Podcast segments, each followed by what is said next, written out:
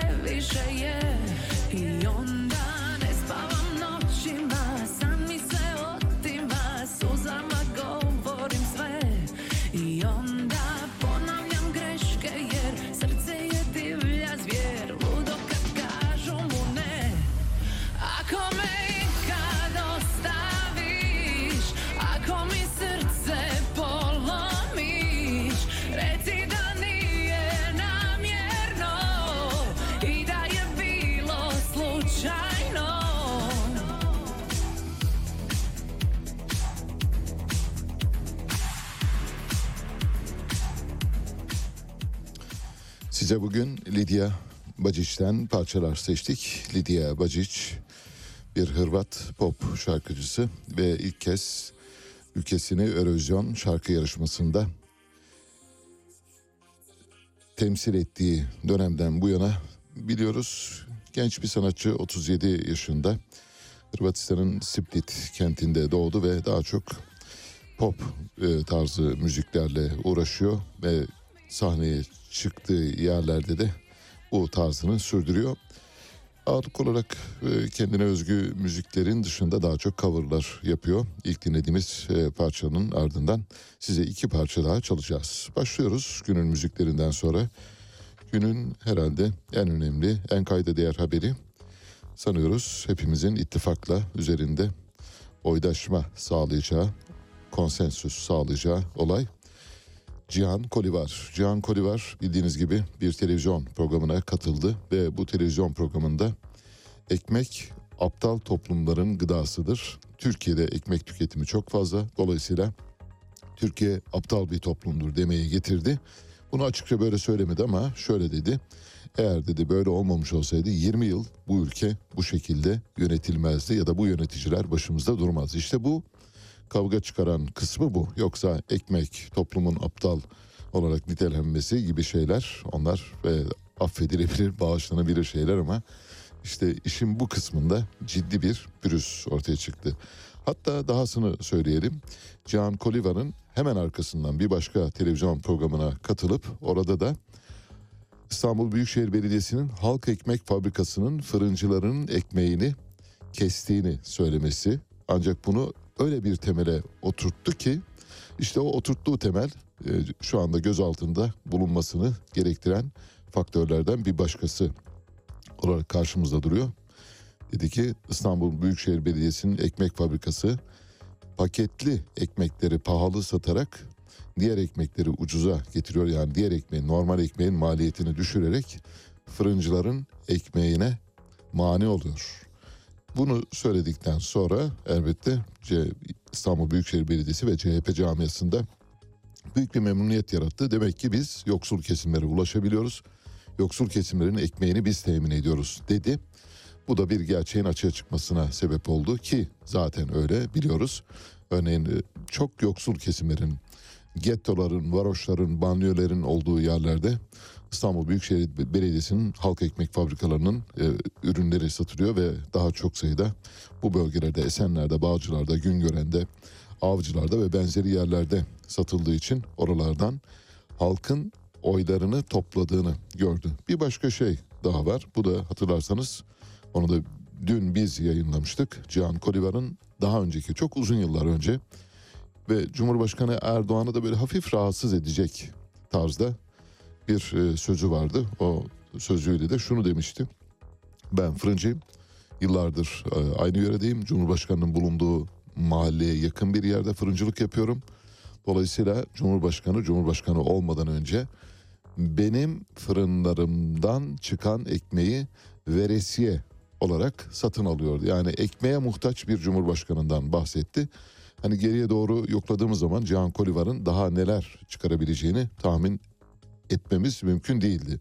Başka bir şey var. Bir de kendisi Rizeli Cumhurbaşkanı'nın memleketinden öyle çok dobra dobra konuşan, gerçekten e, gözünü budaktan sakınmayan, e, lafını da esirgemeyen bir kişi. Önemli bir karakter bence. Bu önemli karakteri biz bundan böyle sıkça duyacağız. Elbette şu anda göz altında tutuklanıp tutuklanmayacağını bilmiyoruz. Böylesi bir gerekçeyle halka aşağı, aşağılama e, gerekçesine eğer e, sığdırırlarsa tutuklanabilir. Yok e, iyi ve gerçekten e, hüsnü niyetli, e, adil karar veren bir mahkeme heyetinin önüne çıkarsa e, bunun bir suç olmadığı ortada. Sadece mesleğini icra eden bir fırıncının söylemesi gerekenleri söylüyor ki biz kendisini bildiğiniz gibi dün ne ilan etmiştik? Yeni Aysun Kayaç. Eril Aysun Kayaç'ı şu anda gözaltında bulunuyor. Bir dinleyelim isterseniz e, Cihan Kolivar e, halk ekmeğin işlevini nasıl yerine getirdiğini anlattı sözleri. Yani dünkü e, aptal toplumların gıdası ekmektir sözünden bir aşama daha ileri giderek e, İstanbul Büyükşehir Belediyesi'ne güzelleme yaptı sözleri. Büyükşehir Belediye Başkanı Ekrem İmamoğlu'na da bir çağrınız vardı, sözleriniz vardı. Dinliyoruz efendim. Ben önce halk ekmekle ilgili olanı söyleyeyim. Bizi bu bir buçuk iki seneden beri bizi perişan etti. Hele bu yeni son açılan fırından sonra ekmek adedini 1 milyon 700 bine çıkarmış biz şeyden internet üzerinden takip ediyorum. Ama vatandaş da ucuz ekmek almak istiyor. Ama şöyle tabii vatandaş da şimdi bizim Bayrampaşa'da eskiden oraya kim getirdiyse onun başına bilmiyorum ben. Onu eskiden mesela şöyleydi işte her tarafa ortalama ekmek dağıtırlardı. Şimdi fakir bölgelere yığıyor o ucuz ekmeği, 3 liralık ekmeği. Zengin bölgeye de o paket ekmekler, çavdar tam buğday ekmeklerini yığıyor. O, o zengin bölgede para kazanıyor hem de felaket. Çünkü or- oraya verdiği ekmek o zincir marketlerden daha ucuz. Millet hep burada- bunu alıyor. Burada tabii Evet bu sözlerden de açıkça anlıyoruz ki Ekrem İmamoğlu ya da İstanbul Büyükşehir Belediyesi Halk Ekmek Fabrikası dahiyane bir iş yapıyor. Dahiyane bir planlama içinde çalışıyor. Yani bir ticari işletmenin nasıl yönetilebileceğine dair bir ders veriyor. Bu ders şu. Pahalı ürettiği ekmeği zengin semtlerde satıyor ve o pahalı ekmeği maliyetinin epey bir üzerinde yüksek bir maliyette, yüksek bir fiyatta satıyor. Oradan elde ettiği kar marjını düşük gelirli kesimlere sattığı düz ekmek, normal ekmekte kullanıyor. Yani normal ekmekte mümkün olduğu kadar az kar ederek hatta neredeyse hiç kar etmeyerek diğer ekmekten elde ettiği karla kar- karı dengeleyerek bir satış politikası sürdürüyor. Bu çok daha yeni bir şey. Ekrem İmamoğlu'nu ve arkadaşlarını bu konudaki çabalarından dolayı kutluyoruz. Muhtemelen bunun yansımaları Sayın Cumhurbaşkanı'na rapor edilmiştir. Ekrem İmamoğlu şu anda ekmeğimize mani oluyor demiş olabilirler. Bu da bir gerekçe olarak kullanılacaktır. Zaten Ekrem İmamoğlu'nun siyasetten yasaklanmasına ilişkin yani iki yıldan daha uzun süreli bir hapis cezası verilerek siyasetten uzaklaştırılmasına ilişkin bir haber de dolaşıyor bugünlerde. Bildiğiniz gibi Ekrem İmamoğlu'nun davasına bakan hakime baskı yapılmış. Bu da haber olarak gazetelerde, internet sitelerinde yer aldı. Hakime Ekrem İmamoğlu'nu siyaset dışına çıkaracak bir ceza verin demişler. Hakim buna itiraz etmiş ve dolayısıyla davadan çekilmiş. Böylesi bir kumpas var. Bu kumpas işte ekmekle yan yana getirdiğinizde ne kadar tehlikeli bir rakip olduğu ortaya çıkıyor. Ekrem İmamoğlu'nun Cumhurbaşkanı Recep Tayyip Erdoğan'ın karşısına çıkabilecek olası rakipler içindeki en tehlikeli ve en güçlü karakterlerden biri olduğunu gösteriyor. Sadece yoksul kesimlerden alacağı, devşireceği oylarla bile düşündüğümüzde muhtemelen 2019 Haziran seçimlerinden daha büyük bir başarıya imza atabilir. Türkiye geneli için söylüyoruz elbette. Bu arada Cihan Kolivar'ın söylediklerinde gerçek payı var. Hatta fazlasıyla var. Hatta Cihan Kolivar eksik bile söylemiş olabilir. Mesela Avrupa ülkelerindeki kişi başına ekmek tüketimiyle ilgili bir grafik var, bir, bir istatistik var. Bu istatistiği paylaşacağız. Arkadaşlarımız da ekrandan paylaşabilirlerse e, ekrandan takip edenler de görmüş olacaklar. Türkiye şu anda Avrupa ülkeleri arasında kişi başına ekmek tüketimi bakımından birinci. İlk sırada yani 40 küsür ülke arasında ilk sırada bulunuyoruz. Kişi başına 104 kilogram ekmek tüketiyoruz. Bize en yakın ekmek tüketimi olan ülke Bulgaristan. O da çok yoksul bir ülke bildiğiniz gibi 95 kilogram. Ona bile 10 kilo fark atıyoruz neredeyse. Sonraki ülke 3. sırada İtalyanlar. İtalyanlar tabii makarna ve benzerlerini de yedikleri için karbonhidrat diye nitelenen gıdaları da kapsadığı için sadece ekmeği değil öyle düşünmek lazım makarna. 68 kilogram İtalyanlar ama İtalya'da Türkiye'deki kadar fazla obez insan bulamazsınız çünkü yediklerini yakabiliyorlar, tüketebiliyorlar. Rusya dördüncü sırada kişi başına ekmek tüketimi bakımından 62 kilogramla.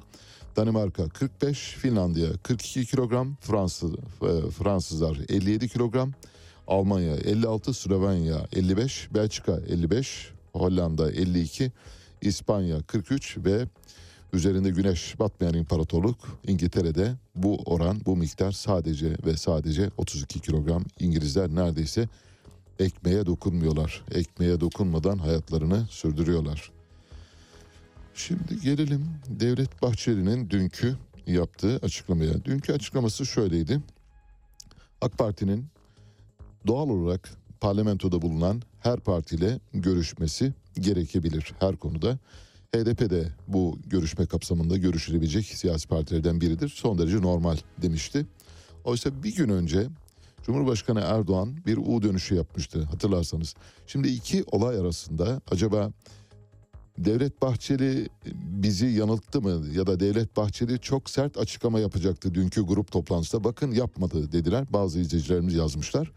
Devlet Bahçeli tabii ki dünkü grup toplantısında eğer Cumhurbaşkanı Erdoğan bir gün önce halkın din ve inanç hürriyetleriyle ilgili konuları referanduma götürmek doğru değildir diye bir sert U dönüşü yapmamış olsaydı dün Devlet Bahçeli muhtemelen masayı tekmeleyecekti. Yani masayı yıkacaktı. O kadar sert bir açıklama gelecekti. Ama şimdi diyeceksiniz ki peki neden hiç sert bir açıklama yapmadı ve bir de HDP ile görüşmeyi olumladı? Şunun için Süleyman Demirel'in o ünlü sözünü hatırlatmak isterim. Hafızayı beşer nisyan ile malüldür. Ne demişti Süleyman Demirel? Meseleleri mesele etmezseniz mesele kalmaz. Şimdi dün eğer e, Cumhurbaşkanı Erdoğan'ın bu açıklaması gelmemiş olsaydı bir gün önce Devlet Bahçeli muhtemelen çok sert bir açıklama yapacaktı. Ama Cumhurbaşkanı açıklama yaparak U dönüşü yapınca Bahçeli de baktı ki ortada bir mesele yok. Dolayısıyla kendisinden bir gün önce U dönüşü yapmış bir Cumhurbaşkanı var. Yani ittifak ortağı var. O yüzden de üzerine gitmedi. HDP ile görüşmek de dahil her şey doğal dedi. Buna çok şaşıranlar oldu. Bence şaşırmayınız çünkü eğer şöyle demiş olsaydı biz HDP ile görüşmeye karşıyız demiş olsaydı hala Cumhurbaşkanı'nın bu açıklamasına rağmen bunu söylemiş olsaydı ortada ciddi bir problem olduğuna inanabilirdik. Ama mesele kalkmış ortadan. Cumhurbaşkanı geri adım atmış. Cumhurbaşkanı deyim yerindeyse tövbe billah bir daha bunu söylemeyeceğim noktasına gelmişken koalisyon ortağının herhalde çıkıp çok sert bir açıklama yapması söz konusu olamaz. Siyaset böyle yapılır. Eğer siyasetin başka türlü yapıldığını düşünüyorsanız yanılıyorsunuz. Siyaset böyledir. Günübirlik söz, demeç, hareket ve davranışlara göre uyarlanan bir oyun planıdır. Bu oyun planının içinde olanlar bunu çok iyi uygular. Mesela Devlet Bahçeli ile Erdoğan arasındaki oyun planı son derece matematiksel bir temele dayanıyor. Çok algoritması çok iyi yazılmış. Biri diğerini çekip çevirebiliyor. Tabii burada çekip çeviren kişi Bahçeli. Cumhurbaşkanı Erdoğan Bahçeli'nin neredeyse söylediklerini harfiyen uyguluyor. Cumhurbaşkanı Erdoğan bugüne kadar Milliyetçi Hareket Partisi lideri ve ittifak ortağı Devlet Bahçeli'nin söylediği hiçbir şeyi geri çevirmedi. Şu bakanı görevden al aldık. Şu bürokratı görevden al aldık. Şu parti yöneticisini görevden al aldık. Mahir Ünal'ın gidişini hatırlayınız mesela. Şimdi koskoca Mahir Ünal şu anda e, kısır günlerine giden e, bir ev erkeğine dönüşmüş durumda. Artık öyle tweetler atıyor. Dolayısıyla taca çıkarmak istediği insanları çok rahat taca çıkarabilecek durumda. Bu yüzden de mesele kapandığına göre Devlet Bahçeli'nin herhalde böyle bağırıp çağırması söz konusu olamaz. Siyaset böyle yapılır. Diyeceksiniz ki öyle mi? Evet maalesef böyle oluyor. Dünkü grup toplantısında Devlet Bahçeli şöyle dedi. AK Parti heyetinin anayasa değişikliğini görüşmek amacıyla mecliste grubu bulunan siyasi partileri ziyaret etmesi son derece doğal ve doğru bir adımdır. HDP ile niye görüşülmüş? Biz buna ne diyecek, nasıl bir tepki gösterecekmişiz? Günlerdir cevabı aranan marazi sorular bunlardır. HDP'ye nasıl baktığımızı tekrar etmeye lüzum bile duymuyorum. AK Parti heyetinin CHP ile kurduğu temasa ses çıkarmayanların bizim sırtımızdan HDP'yi dillerine dolamaları müflis ve müfsit bir tavırdır. Zira bizim gözümüzde HDP neyse CHP de odur ve aynısıdır. Biz kiminle görüşüldüğüne değil, makul ve demokratik çözümün nasıl olacağına bakıyoruz. Sosyal medyadan MHP'ye asla istikamet çizilemeyecektir. Fitne tezgahı açanlara, el ovuşturan asalaklara, bozguncu telkinlere, iki yüzlü tahriklere, oyun içinde oyun kuranlara, onunla görüştü, bununla buluştu masalı anlatanlara, Cumhur İttifakı'nı sorgulayanlara kapalıyız. Alayını birden de yüzümüze dönmüş durumdayız. Topuna diyorum ki haydi başka kapıya. İşte bu. Eğer dün Cumhurbaşkanı Erdoğan U dönüşü yapmamış olsaydı muhtemelen grup toplantısında Devlet Bahçeli açıp ağzını yumup gözünü masayı tekmeleyecekti. Masayı dağıtabilirdi net söylüyorum eğer ısrarlı olmuş olsaydı. Ama tehlikeyi gördü Cumhurbaşkanı Erdoğan ve bir, bir 24 saat içinde bu tehlikeyi bertaraf etti. Cumhurbaşkanı Erdoğan'ın türban meselesini referanduma götürmemesi aynı zamanda çok hayırlı bir işe vesile olmuştur. O da eğer türban meselesi referanduma gitmiş olsaydı muhtemelen sandıkta yani erken ya da zamanda yapılacak olan seçimde bir sandık daha konulacaktı. O sandıkta da halk türbana evet mi hayır mı oyu verecekti. Halkın kafası karışacaktı. Sandığa giden vatandaşlar neye oy verdiğini bilmeden gidecekti. Bir siyasi parti seçimi yapılıp yapılmadığının farkında bile olmadan kendisini ilgilendiren yegane konu türbandı. Türbana evet mi hayır mı oyu verecekti ve türbana evet oyu vererek büyük bir galebe çalacaktı. Bu da sandıkta bir büyük bir yenilginin habercisi olabilirdi. Yani sandıkta yenilmenin bir altyapısını oluşturabilirdi. Cumhuriyet Halk Partisi için hayırlı olmuştur bu. Ayrıca Devlet Bahçeli'nin verdiği bu nizam intizam da fena değil. Tabii orta AK Parti HDP ile görüşürken bu mübah. Cumhuriyet Halk Partisi ya da bir başka parti HDP ile görüşürken bu zinhar kat'a e, bir e, yasak e, olarak görülüyor. Bunu da bir e, ikilem ikilem olarak bir dilemma olarak bir not olarak belirtmiş olalım. Birazdan size Devlet Bahçeli'nin bugüne kadarki bir ileri bir geri bir U dönüşü bir e, sert dönüş yaptığına ilişkin ses kayıtlarını dinleteceğiz. Birkaç ses kaydı birden olacak arka arkaya. Dün öyle söylediğine bugün hayır diyebiliyor ama siyaset böyle yapılır. Hani diyeceksiniz ki peki bunun neresinde dürüstlük? Vallahi siyasetin içinde dürüstlük arayanın aklına şaşarım. Siyaset dürüstlük temeli üzerine kurulu bir e, kavram değildir. Siyasetin insanlığın varoluşundan bu yana ne kadar geriye doğru götürürseniz bilemem ama özellikle ilk çağ toplumlarından itibaren Roma'dan ve e, antik Yunan'dan bu yana siyaset böyle yapılır. Orada da öyleydi böyleydi. Çok fazla bir değişkenlik yoktur. Söylediğinizi unutturmaya çalışırsınız. Kendinize yeni bir yol açarsınız. Bugüne kadar söylediğiniz her şeyin üzerine bir sünger geçersiniz. Tertemiz edersiniz. Pırıl pırıl hale getirirsiniz. Doğu Perinçek ittifakın küçük ortağı şöyle dedi. Türkiye'de artık açılım veya çözüm kesinlikle olmayacak. Nasıl? Devlet Bahçeli'yi nasıl arkadan destekliyor? Şu anda Devlet Bahçeli'ye bir müthiş destek geldi bu taraftan. Açılım ve çözüm bir Amerika ve İsrail beklentisidir diyor Doğu Perinçek. Katılıyorum. Güneydoğu bölgemizde halkımız fabrika istiyor, iş istiyor, kamu hizmeti istiyor. Terörün kesinlikle bitmesini istiyor, huzur istiyor, çözülecek sorunlar bunlardır diyor. Bunlar tabii laf ola beri gele. Eğer siz bunları çözmek istiyorsanız bunların çözüm yeri orası değil başka bir yerdir. Yani iktidardan istemeniz lazım. Ancak Türkiye'de açılım ve çözüm ve benzeri beklentilerin, politika beklentilerinin Amerika ve İsrail'in beklentisi olduğu gerçeğine katılıyoruz Doğu Perinçek. Sadece o cümlesi itibariyle takdirimizi almış durumda. Hazır mısınız? Hazırsanız şimdi Devlet Bahçeli'den dünkü U dönüşü sonrasında daha önce acaba ne demişti? Mesela Bahçeli bir konuşmasında şöyle demişti. Bizde kıvırma yoktur. Bizde kıvırma yoktur.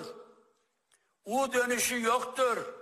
Çark yoktur. Türklüğü reddeden, TC'yi silen, milliyetçiliği ayaklar altına alan bir inkarcıdan Türkiye Cumhurbaşkanı olmaz, olamaz, olamayacaktır. Recep Tayyip Erdoğan'dan da Cumhurbaşkanı olmaz. Milliyetçi Hareket Partisi sözünün eridir. 2023'te Cumhurbaşkanı adayımız Sayın Recep Tayyip Erdoğan'dır. Güya yeni bir kanal açıyorlar. Adına da İstanbul kanalı diyorlar. Ve bu bir çılgın proje diyorlar. Bu soygun düzenini çılgınca sürdürecek bir projedir. Başkanlık federasyon demektir. Bu da Türkiye'yi bölünmeye götürecektir. İmralı canisiyle pazarlıklarda yeni anayasayla bölünme yolunun açılması amaçlanmaktadır. Başkanlık sistemi bu ihanet sürecinin sonuçlanması için istenmektedir. Recep Tayyip Erdoğan tipi başkanlık sistemi Türkiye'nin bölünmesinin reçetesidir. Demokrasinin idam fermanıdır. Tek adam diktatörlüğünün beratıdır. Hırsızlık ve yolsuzluk ruhsatıdır. Milliyetçi Hareket Partisi başkanlık sistemine tümden karşı olup parlamenter sistemin revize edilerek güçlendirilmesinden yanadır. Bizim görüşümüz açıktır, değişmemiştir. Parlamenter sisteme dönmenin hesabını hangi siyasi defolar yaparsa yapsın nafiledir. Bizde kıvırma yoktur. U dönüşü yoktur. Çark yoktur. Evet, e, siyasetin bir doğruluk, dürüstlük, mertlik e, mesleği olduğunu düşünüyorsanız bunun böyle olmadığını Devlet Bahçeli'nin baştan bugüne kadar e, yaptığı açıklamalar arasındaki tenakuzları görerek zaten anlayabileceksiniz. Bu böyle değil. Siyaset başka bir şekilde yapılıyor. İşte bu şekilde yapılıyor. Bu şekilde yapılan işin adına siyaset diyoruz zaten. Siyaset yönetme sanatıdır. Elbette yönetme sanatını herkes aynı şekilde yapmıyor. Demokrasinin ileri demokrasinin olduğu ülkelerde siyasetin daha şeffaf, daha halk yararına, daha kamucu bir anlayışla yapıldığını biliyoruz. Türkiye ve benzeri ülkelerde demokrasisi henüz oturmamış ya da nüve aşamasında olan, cenin aşamasında olan ülkelerde siyaset ne yazık ki hala bu standartlardadır. Bu standartlardaki siyasetin Bangladeş'te, Afganistan'da, Pakistan'da örneklerini bulabilirsiniz bol bol. Peki bir açıklama daha var Devlet Bahçeli'den. Bahçeli'nin HDP'ye olan bakış açısı konusunda iki ayrı görüşü var. Yani biri resmi görüşü, öteki kendi görüşü. Şimdi bakın bir de ona kulak verelim. CHP'nin HDP ile görüşmesi demek PKK ile teması demektir. Bu arada AK Parti heyetinin anayasa değişikliğini görüşmek amacıyla mecliste grubu bulunan siyasi partileri ziyaret etmesi de son derece doğal ve doğru bir adımdır. HDP ile niye niye görüşülmüş? Biz buna ne diyecek, nasıl bir tepki gösterecekmişiz? Günlerdir cevabı arayan marazi sorular bunlardır. Evet bir dualite, dilemma burada da var. Eğer HDP ile görüşen parti bir başka parti ise doğru değil. Örneğin CHP ise kesinlikle vatan hainliğiyle eşdeğer bir girişimde bulunuyor. Eğer bu AK Parti ise yani dünkü görüşme e, muhaciyesinde söylersek orada herhangi bir sakınca görmüyor. Tamamen biraz önce belirttiğimiz gibi Cumhurbaşkanı Erdoğan U dönüşü yapmamış olsaydı bugün Devlet Bahçeli'nin masayı tekmelediğini ve masayı dağıttığını hep birlikte görmüş olacaktık ama iş belli bir noktadan sonra döndü. Bir açıklama daha Devlet Bahçeli'den böylece sonlandıracağız. Bir üçleme yapıyoruz. Cumhurbaşkanı Erdoğan'ı Devlet Bahçeli geçmişte hem milli güvenlik için tehlike görüyordu. AK Parti'yi de ayrıca milli güvenlik açısından tehlikeli bir parti olarak niteliyordu. Erdoğan ve AKP'nin milli güvenliğimiz için en az PKK kadar tehdittir. Türk milletine yönelik bitmek bilmeyen tarihi ihanet süreci Erdoğan, Davutoğlu ve Öcalan'dan oluşan üç temsilcisiyle hiç olmadığı kadar sona yaklaşmıştır. Evet, vatana ihanetle eş anlamlı olarak görüyor. Geçmişteki AK Parti ve Cumhurbaşkanı Erdoğan'ın ilişkilerini kastederken. Bunlara ilişkin bir uyarı var. O uyarıyı da hatırlatalım. Mesela Meral Akşener geçmişte AK Parti'yi İmralı'yla görüştüğü için kamuoyunu uyarmıştı. Ancak bu uyarı biraz unutuldu. Sayın Bahçeli'ye tavsiyem e, bizlerle uğraşmak yerine e, bizim aldığımız bazı duyumlar var. İktidar Partisi e, İmralı ile görüşme trafiğini başlattığına dair yarın küt diye önüne bir mektup gelir. Nasıl bu mektuba bir güzelleme... açılım süreci gibi mi? Valla bakın ben açılım açılım nedir bilmiyorum ama bildiğim bir şey var. Duyum olarak söylüyorum. Bu bir duyum. Ee, İmralı'yla iktidarın görüştüğüne dair bir e, duyumum var. Dolayısıyla e, Sayın Bahçeli'nin önüne küt diye bir mektup düşer. Onu nasıl ki aynı e, 31 Mart e, İstanbul seçimlerinin ikinci turunda olduğu gibi ondan sonra e, nasıl güzelleyeceğim, nasıl e, bunu e, paketleyeceğimi e, düşünmekten sonra e, zora düşülür. Evet. Çok açık bir şekilde e, AK Parti'nin ve Cumhurbaşkanı Erdoğan'ın İmralı'yla yani Abdullah Öcalan'la görüşmeler yaptığını söylüyor. Dün itibariyle bütün bunların hepsi bir efsaneye dönüşmüş durumda. Artık dün itibariyle ne İmralı, ne Kandil, ne PYD, ne YPG hiçbiri kalmamıştır. Dün itibariyle her şeyi tertemiz etti Devlet Bahçeli. Devlet Bahçeli müthiş bir yıkama tozu kullanıyor. Bu yıkama tozunun karşısında dayanabilecek tek bir leke yok. Hepsini tertemiz etti dün itibariyle. Peki bir geriye doğru bir ses kaydı daha dinletelim böyle hafızalarınızı tazelemek bakımından. Cumhurbaşkanı Erdoğan bazı konularda örneğin bir tarihten örnek verecekse tarihten vereceği örneği istediği yerden başlatıyor. Bunu daha önce de konuşmuştuk hatırlarsanız. Tarihi istediğiniz yerden alırsanız istediğiniz sonuca ulaşırsınız. İstatistik de böyledir. Mesela istatistikte belli bir zaman dilimini alırsanız o zaman dilimi içinde örneğin Türkiye şu şu şu tarihler arasında yüksek büyüme gerçekleştirmiştir derseniz doğrudur. Buna kimse itiraz edemez. Örneğin 92 ile 95 yıllar arasında Türkiye çok yüksek bir büyüme gerçekleştirmiştir derseniz doğrudur. Ama o dönemin 2 yıl öncesini 3 yıl sonrasını aldığınızda ya da bir siyasal iktidarın sorumluluğunda ise o dönem başından sonuna aldığınızda durumun öyle olmadığını görürsünüz. Örneğin 91 ile 99 arasında Türkiye'nin büyüme rakamını alıyorsunuz, ortalamayı koyuyorsunuz. O 92 ile 95 arasındaki büyüme rakamıyla hiç alakası olmayan bir şey çıkıyor.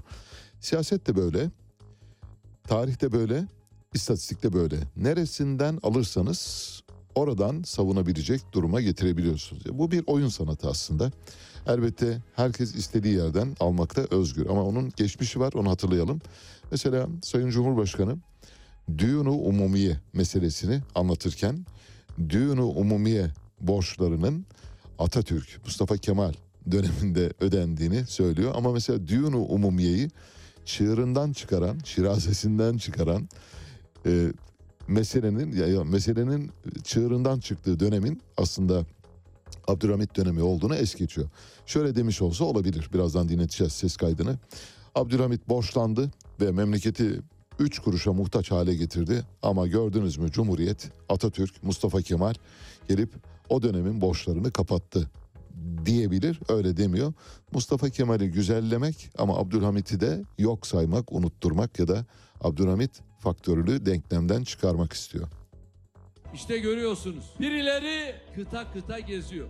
Sanırsınız ki ülkenin ve milletin hayrına bir iş yapacak. Dönüşte bakıyoruz yediği hamburgerden başka anlatacak hiçbir şeyi yok. Ama hesabını veremediği pek çok karanlık nokta var. Temiz para arıyormuş. Ama gittiği yer geçmişte bizim ülkemizde dahil tüm dünyanın iliğini kemiğini sömürenlerin kapısı. Gazi Mustafa Kemal bu ülkeyi duyunu umumiyeden biz de IMF görünümlü emperyalist kenelerden kurtardık. Şimdi bu zat tekrar ülkemizi aynı fasit daireye sokmak için dört dolanıyor. Yine bu zatın gece yarıları yayınladığı her video, kürsülerden yaptığı her konuşma, partisinin milletvekilleri üzerinden giriştiği her provokasyon, velhasıl siyaset adı altında yaptığı her iş, Türkiye'yi uluslararası alanda köşeye sıkıştırmak isteyenlere malzeme verme amacı taşıyor. Türkiye proje elemanlarının ülkenin ve milletin yönetimine hakim olduğu geçmişteki karanlık günlerin bedellerini çok ödedi. Şimdi aynı bedelleri tekrar önümüze getirmek isteyenlere asla fırsat vermeyeceğiz. Evet, tarihi, istatistiği ve olayları istediğiniz yerden alıp istediğiniz şekilde yorumlayabilirsiniz. Kendi çıkarlarınıza uygun hale getirebilirsiniz. Ama öncesini sonrasını bilenler ya da tüm boyutlarını bilenler açısından bu böyle değil. Sıradan insanlar, sıradan seçmenler, sıradan halk yığınları bu tür bilgilere sahip olmadıkları için verilen bilgiyle iktifa etmek durumunda. O yüzden de Cumhurbaşkanı Erdoğan'ın Mustafa Kemal'in övdüğü ama Abdülhamit'in rolünün neredeyse hiç olmadığı bir düğünü umumiyeden bahsettiğine sık sık tanıklık edebilirsiniz. AK Parti Şanlıurfa Milletvekili Mehmet Ali Cevheri şöyle dedi.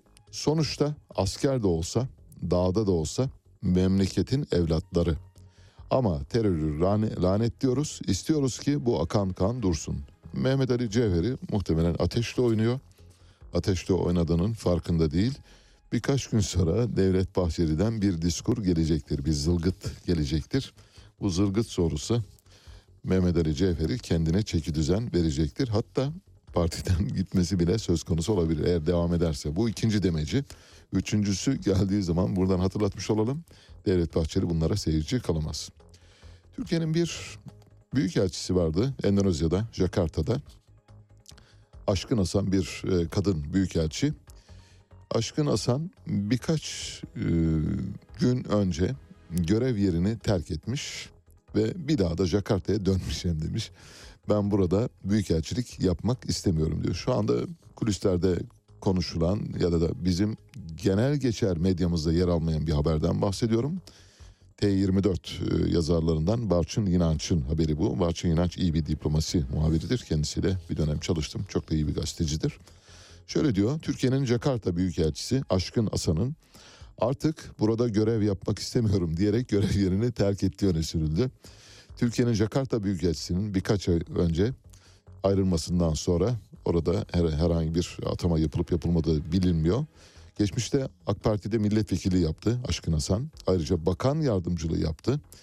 20 Kasım 2021'de Jakarta Büyükelçisi olarak atandı. 15 Aralık 2021'de de Endonezya'da göreve başlandı. 8 ay kalabildi orada. 8 ay sonra ayrıldı. Büyükelçiler konferansına geldi ve bir daha da dönmedi. Bu şeye benziyor. Mesela Avrupa'ya gönderiyorsunuz. Malatya'nın Yeşilyurt ilçesinden Almanya'ya, Berlin'e gönderiyorsunuz. Orada kalıyorlar, buharlaşıyorlar. Şu anda Aşkın Hasan Türkiye'ye gelmiş, buharlaşmış bir büyükelçi. Kimseye hesap vermek zorunda olmadığını hissediyor.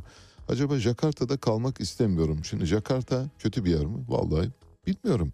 Jakarta bir büyükelçi açı- açısından son tercih edilecek yerlerden biri midir? Bunu da bilmiyoruz. Başka bir sorunu var mı? Onu da bilmiyoruz.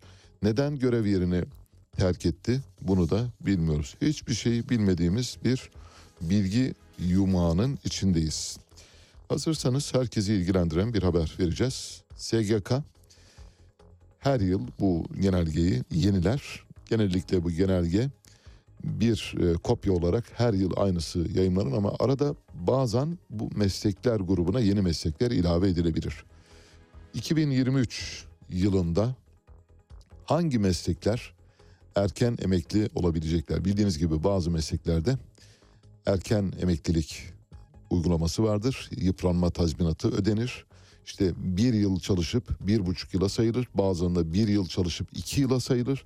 Bazılarında bir yıl çalışır e, üzerine üç ay ilave edilir. Dolayısıyla bu ilave edilen süreler kadar erken emekli olabilirler.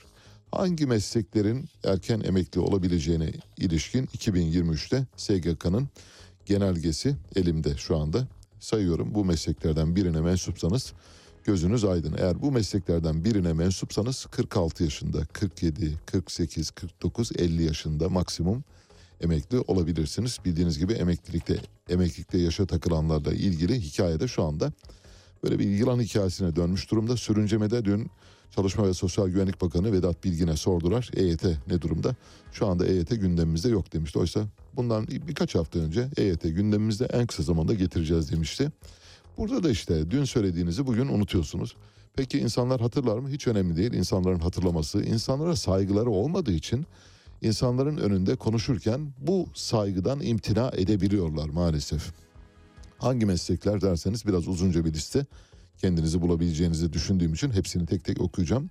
Erken emekli olabilecek mesleklerin mensupları şunlar. Madencilik ve yeraltı işlerinde çalışanlar, civa üretimi yapan kişiler, demir ve çelik fabrikalarında çalışanlar, asit üretimi yapan fabrika ve atölyeler, sahil güvenlik komutanlığında çalışanlar, radyoaktif işlerde görev yapanlar, Türk Silahlı Kuvvetleri mensupları, emniyet, polis ve MİT çalışanlarının tamamı, ceza infaz kurumlarında çalışanlar yani gardiyanlar ve diğer kişiler, basın ve gazetecilik işlerinde çalışanlar, TRT'de haber hizmetinde çalışanlar, Büyük Millet Meclisi'ndeki yasama organı üyeleri yani milletvekillerimiz, Cumhurbaşkanı yardımcıları ve bakanlar bir tane adam var. Cumhurbaşkanı bir tane yardımcısı var. Dolayısıyla Cumhurbaşkanı yardımcıları dememek lazım yardımcısı.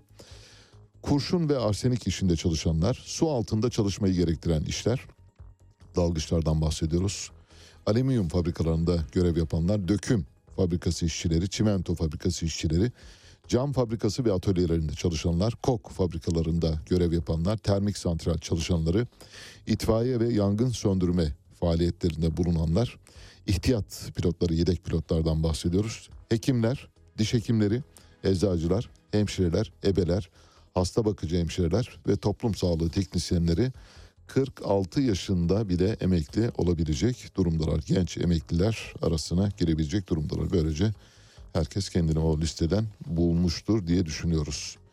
Bir üçüncü nükleer santral yapılıyor Türkiye'ye. Üçüncü nükleer santral için Trakya'da yer tespit çalışmaları başladı.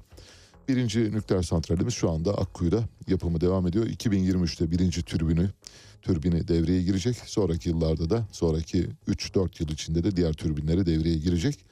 Arkasından Sinop'ta İnceburun'da bir nükleer santral kurulması ile ilgili fizibilite çalışması yapıldı bildiğiniz gibi. Şimdi Trakya'da yapılıyor. Trakya'daki yerin neresi olacağını bilmiyoruz. Trakya'da Longoz ormanlarına yakın bir bölgede çalışma yapıldığını, etüt çalışması olduğunu biliyoruz. Umarız bu bölgeye yapılmaz diye düşünüyoruz. Yapılırsa Longoz ormanlarına elveda demeniz için çok az bir zamanınız var. Vakit varken gidip Longoz ormanlarını görünüz. Enerji ve Tabii Kaynaklar Bakanı Fatih Dönmez bu arada Karadeniz gazını karaya ulaştırmak için deniz altında yapılan boru hattının %97'sinin tamamlandığını bildirdi. Mart sonuna kadar ilk gazı sisteme vereceğiz. Bunu herkes mutfağında kullanabilir hale gelecek diyor. Umarız öyledir. Gerçekten dört gözle bekliyoruz. Ama hani böyle mm, Karadeniz gazı diye herhangi bir depodan basılmış gazı verir de insanlara kullandırırsanız tıpkı TOG fabrikası olmayan TOG fabrikasından çıkmış otomobilleri tanıttığınız gibi bir şeye dönüşmesin diyoruz. Bitcoin'de yatırım yapanları üzecek bir haberimiz var. Muhtemelen onlar takip etmişlerdir, ediyorlardır. Bitcoin dün tarihi dip seviyelerinden birine erişti. Bir günde %11'den fazla değer kaybetti. 17 bin dolar seviyesine indi. 20 bin dolarlardan 17 bin dolara son iki yılın en düşük seviyesi. Bu arada onun bir altcoin olan Ethereum'da 1.233 dolara kadar geriledi. Orada da yine değer kaybı aşağı yukarı %15 seviyesinde. Bitcoin yatırımı yapanlara buradan bir hatırlatmada bulunacağım. Hatırlatmayı kendi adıma değil, büyük bir iktisat kahini adına yapıyorum. Profesör Nuriye Rubeni.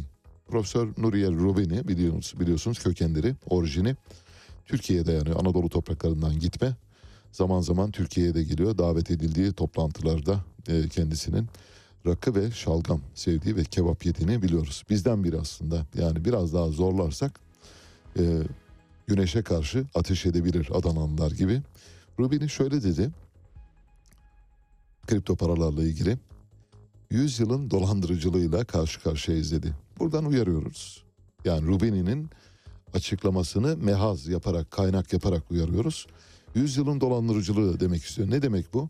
Öyle bir dolandırıcılıkla karşı karşıyayız ki bir süre sonra ne kripto para kalabilir ne blockchain üzerinden alım satım yapabilirsiniz. Her şey birdenbire ortadan yok olabilir. Bu yüzden vakit varken bu maceralardan kendinizi uzaklaştırmanızı diliyoruz. Şu olabilir ve sakın bunu söylerken piyasa karşıtı biri gibi düşündüğümü zannetmeyiniz. Şu olabilir elinizde 100 liranız var değil mi? Yani 100 liralık yatırım yapacak paranız var. Ailenizin bütçesine, çoluk çocuğunuzun nafakasına dokunmadan 100 liranız var. Bu 100 liranın 10 lirasını kripto paraya yatırabilirsiniz. Çöpe atmış gibi düşünün. Kalsın orada. 100 lira. 10 lirası oraya gitmiş. Kaybettik canımız sağ olsun dersiniz. Geri kalan da uygun portföylere bölersiniz. Uygun portföyler ne derseniz o portföy dağılımını yapmayayım. Çünkü her ay her gün değişebilen bir portföyden bahsedebiliriz. Merak edenler yatırım kuruluşlarına, aracı kurumlara başvurarak oralardan bilgi alabilirler. Yani bir miktar hisse senedi, biraz tahvil, biraz altın, e, biraz emtia ve biraz da kripto para alarak portföyünüzü, o 100 birimlik portföyünüzü tamamlayabilirsiniz. Dediğim gibi hatırlatıyorum 10 birim. Yüzde 10 daha fazlası olmasın. Peki ileride çok zengin olursak e, yani kripto para çok artar ve siz de bizi bundan mahrum ettiniz der misiniz? O zaman beni bulamazsınız söylüyorum. Biz kayboluruz. Biz asla bu tür şeylerde arkamıza bile bakmayız. Devlet Bahçeli gibiyiz biz. Unuturuz hemen. Hemen. Yok canım nereden çıkarıyorsunuz? Aa, öyle bir, Onur böyle bir şey söyledim mi ben? Ağzımdan çıktı mı? Yok hayır. Yok hayır. Öyle bir şey yok. Bu yüzden bizi bulamazsınız. Yani kendi bacağınıza kendiniz kurşun sıkabilirsiniz. Ülker Pötüber diye bir bisküvi vardı hatırlar mısınız? Böyle yaşı 40'ın üstünde olan sevgili kardeşlerime sesleniyorum buradan. Onlar çok iyi hatırlarlar. Mahalle bakkallarında, sinekli bakkallarında, bakkallarda, farelerin cirit attığı bakkallarda öyle bakkal. Bakkalların hepsi öyleydi maalesef. Yani faresiz bakkal ben hiç görmedim. Hiç görmedim hayatım boyunca. Bugün bugün bile öyledir mahalle bakkalların pek çoğunda. Çünkü yeterli e, sep, e, hijyen kurallarına uygu- uyulmadığı için işte bir yerlerden geliyor hayvanlar tabii yaşamak için. Ülker Pötüber böyle 5 kiloluk büyük kutularda satılırdı. Aileler 5 kiloluk kutularda alırlardı eve. Aylık bisküvi ihtiyaçlarını. Mesela karpuzu kamyonla, traktörle alırlardı. Domatesi balyalarla alırlardı. E, kasalarla alırlardı. Öylesine unu çuvallarla alırlardı. Şimdi mesela çuvalla un alan, e, ka- kamyonla karpuz alan ve paketle 5 kiloluk paketle pötüber olan birini göremezsiniz. İşte pötüver huzurlarınızda bundan böyle 25'lik 25 gramlık paketler halinde satılıyor. Bir pötübörün yaklaşık 7,5 gram geldiğini düşünseniz 4 tane 4 tane pötübörü koyuyorsunuz bir pakete satıyorsunuz. Buradan ilan ediyorum duyuruyorum. Çok yakın bir gelecekte pötübörün tekli paketler halinde satıldığını göreceksiniz. Tek bir tane gidiyorsunuz bir tane pötübör alıyorsunuz ağzınıza koyuyorsunuz. Dişinizin kovuğuna bile değmeden tadını unutuyorsunuz. Ama damağınızda o lezzet kalabilir. Ülker pötübör. 5 kilogramlık paketlerle, karton kutularla alırdık. Nereden nereye? Dörtlü paketlere döndü. Yakında tekli paketlere. Yarım pötübör de olabilir. Yani bir dehşetengiz bir buluş sahibi olarak mesela yarım pötübör. Ben fabrikalara öneriyorum. Yarım pötübör çıkaracaksınız. Böyle bir hap kadar olacak draje gibi. Günde iki tane alıyorsunuz. Ne zaman? Yemeklerden sonra. Ne? Pötübör. Hazine ve Maliye Bakanı Nurettin Nebati'nin doktora tezinde ben doktora tezini görmedim ama e, bu haberi tabii dün geç saatte aldığım için bakacağım doktora tezini kelime kelime okuyacağım. Hatta size Nurettin Nebati'nin muhteşem, dehşetengiz e, doktora tezini yorumlayacağız bir yayında merak etmeyin ama o onunla ilgili bir paylaşım var. Doktora tezinde hani biliyorsunuz AK Parti'nin iddiası şu CHP camileri kapatıp ahır yaptı falan deniyor ya. İsmet Paşa da asker kaçağıydı. İşte Garp cephesi komutanı İsmet Paşa asker kaçağıydı deyip buna ilişkin inanacak insanlar bulabiliyorlardı. Camilerin kapatılması, ahır yapılması da aynı şey. Asla bu ne Cumhuriyet Halk Partisi döneminde ne bir başka dönemde olmadı. Hatta bu dönemde camilerin yıkıldığı, yerlerine binalar yapıldığı, TOKİ binalarının kondurulduğuna ait ilişkin çok sayıda örnek gösterebilirim bu dönemde. Nebati'nin, Nurettin Nebati'nin doktora tezinde şöyle deniyor. CHP müfredata seçmeli din dersi koydu. Nasıl? İmam Hatip kursları açıp hacca gitmek isteyenlere de döviz sağladı. Demek ki CHP aslında böyle hac, İmam Hatip, Kur'an kursu karşıtı bir parti değilmiş. Bu doktora tezine bakacağım. Satır satır size yorumlayacağım önümüzdeki günlerde. Biraz dolu zamanımıza denk geldi. Elimiz doluydu maalesef e, okuma fırsatı olmadı. Yani kısa zamanda bulup okuyacağım ve sizinle paylaşacağım. Anayasa Mahkemesi Başkanı Zühtü Arslan, profesör kendisi. Avukatlarımız hala büyük ölçüde bir istinaf ya da temyiz dilekçesi yazar gibi başvuru formu dolduruyor. Anayasa Mahkemesi mutlaka gidilmesi gereken bir süper temiz merci değildir diyor. Anayasa Mahkemesi Başkanı ağlıyor. Ne, ne kadar zamandır? 6 aydır ağlıyor. Şöyle diyor o kadar çok başvuru var ki bizim bunu sonuçlandırmamıza imkan yok. Vallahi ben size bir şey söyleyeyim. Ben mesela bu eksik bilgimle yani hukuk nosyonum yok. Anayasa Mahkemesi bireysel başvuru yoluna açıldığı gün söylemiştim. Dedim ki Anayasa Mahkemesi asla bu yükün altından kalkamaz. Anayasa Mahkemesi'ni bırakın Yargıtay'a verseniz bu yükü yine o da altından kalkamaz. Hatta bütün yüksek mahkemeleri birleştirseniz. Yargıtay, Danıştay, Anayasa Mahkemesi, Yüksek Seçim Kurulu olmaz da olsun diyelim. Hepsini birleştirdik. Hepsini birleştirseniz yine bireysel başvurulara ilişkin talep karşılanamaz. Çok net. İnsanlar çünkü canı sıkılan Anayasa Mahkemesi'ne dilekçe yazıyor. İşte öyle söylüyor Anayasa Mahkemesi Başkanı. Diyor ki avukatlarımız hala büyük ölçüde bir istinaf ya da temiz dilekçesi yazar gibi başvuru formu dolduruyor. Ne yapacaktı peki avukatlar? Böyle bir başvuru yolu var. Böyle bir hukuk yolu var. Bu hukuk yolunu kullanmayacaklar mı? Yani dilekçe yazmayacaklar mı? Göndermeyecekler mi? Sizin yapmanız gereken şu Sayın Zühtü Arslan ağlamak değil. Sizin yapmanız gereken hemen bir parlamentoya gidip Cumhurbaşkanı Yardımcısı Fuat Oktay bu işlerle ilgileniyor. Dersiniz ki biz bu yükün altında kaldık, eziliyoruz. Bu yükün altında daha fazla kalmak istemiyoruz. Bireysel başvuru yolunu bir ilk derece mahkeme ve bir istinaf mahkemesi nihai olarak da anayasa mahkemesi olacak şekilde bir üçlü kademeye bağlayın. Öyle yürüyelim dersiniz. Bunu söylemiyorsunuz. Çıkıp kamuoyunun önünde ağlıyorsunuz. Bir de avukatları suçluyorsunuz. Avukatlar dilekçe yazmayacak ne yazacak? Avukatlar mesela şarkı sözü mü yazsın size? Şarkı sözü. Hakan Peker'in şarkı sözlerini mesela avukatlar mı yazsın? Ne istiyorsunuz? Yani niyetiniz ne? Bize açıkça söyleyin. Deyin ki biz bundan rahatsızız. Yolu belli. Başvurursunuz, yasayı değiştirirsiniz ve bu yükten kurtulursunuz. Yoksa sittin sene bu yükün altında kalırsınız. Zaten şu anda Anayasa Mahkemesi'nde dağ gibi bireysel başvuru dosyaları var. Geçtiğimiz günlerde bir haberi vermiştik hatırlarsanız. Şöyle Anayasa Mahkemesi bugün önündeki bireysel başvuru dosyalarını her gün ortalama 300 dosyayı incelese bile 35 yıldan önce bitmiyor. Ya insanların ömrü zaten o kadar yani yarım ömür o kadar işte 35 yıl. En fazla 70 yaş yaşıyoruz. Dolayısıyla yarım ömrüne sığıyor. Adam ölüyor gidiyor mezarında otlar bitiyor falan. Sonra diyorsunuz ki mezar taşına mahkeme kararın geldi gözün aydın kazandın davayı. Nerede? Öteki dünyada ahirette.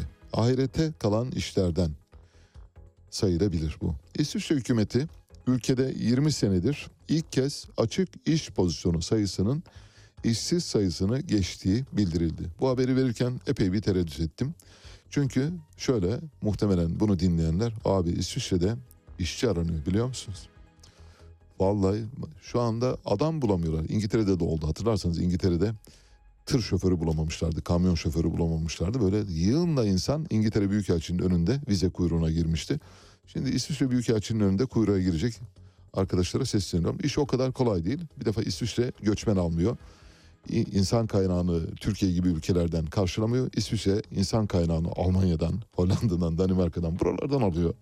Yani hani böyle çok çok gözde ülkelerse Afrika'daki böyle çok gözde ülkelerden alabiliyor. Türkiye'den almayacak. Hani kuyruğa girecekseniz İsviçre Büyükelçiliğini meşgul etmeyiniz ya da konsolosluğunu meşgul etmeyiniz.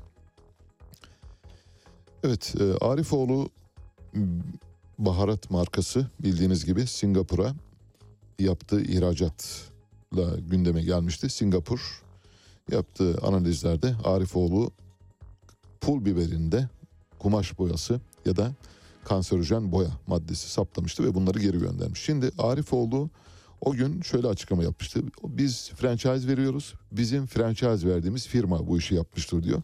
Bunun böyle olmadığını anladık bugün.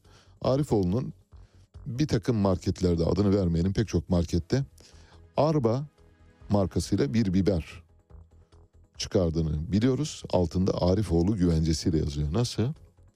Ha, boyalı kumaş boyası. Kumaş boyası. Önce yiyorsunuz. Sonra o elde ettiğiniz boyayla boyayı nasıl elde ettiğinizi söylemeyeyim şimdi sabah sabah. Sonra o boyayla kumaş boyuyorsunuz. Ayakkabı boyuyorsunuz. Önce yiyorsunuz ama yemeniz lazım. Boyayı kimyasal prosesten geçirmek için önce yemeniz lazım. Öyle kendiliğinden kolay kolay kumaş boyasına dönüşmüyor. Arifoğlu iftiharla sunar.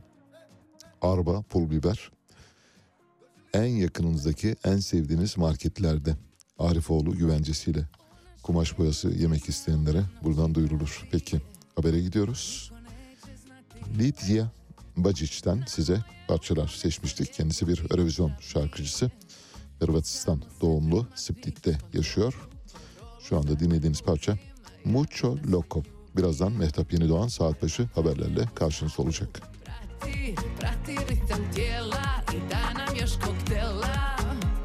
Sami smo u mraku Daj, ma ništa ne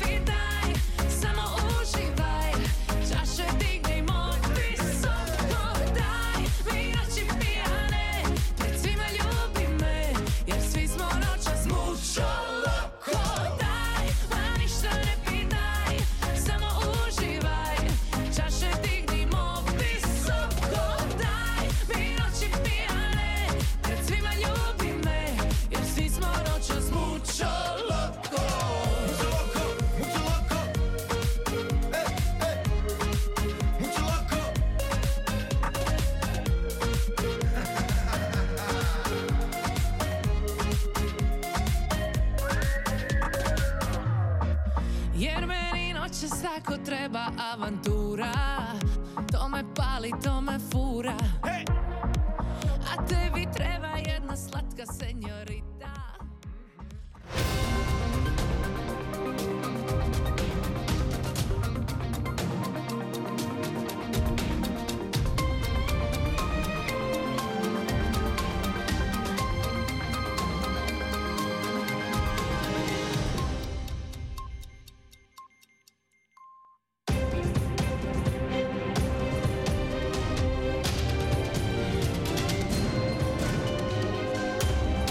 Radyo Sputnik.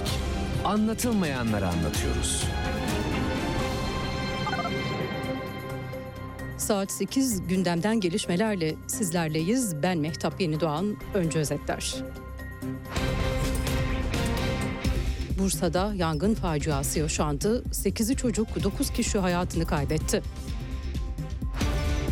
Bakan Koca'dan koronavirüs salgını uyarısı geldi. Vaka sayıları Aralık ayında artabilir. Ekmek aptal toplumların gıda maddesidir diyen Cihan Kolivar gözaltına alındı. Ayrıntılar birazdan.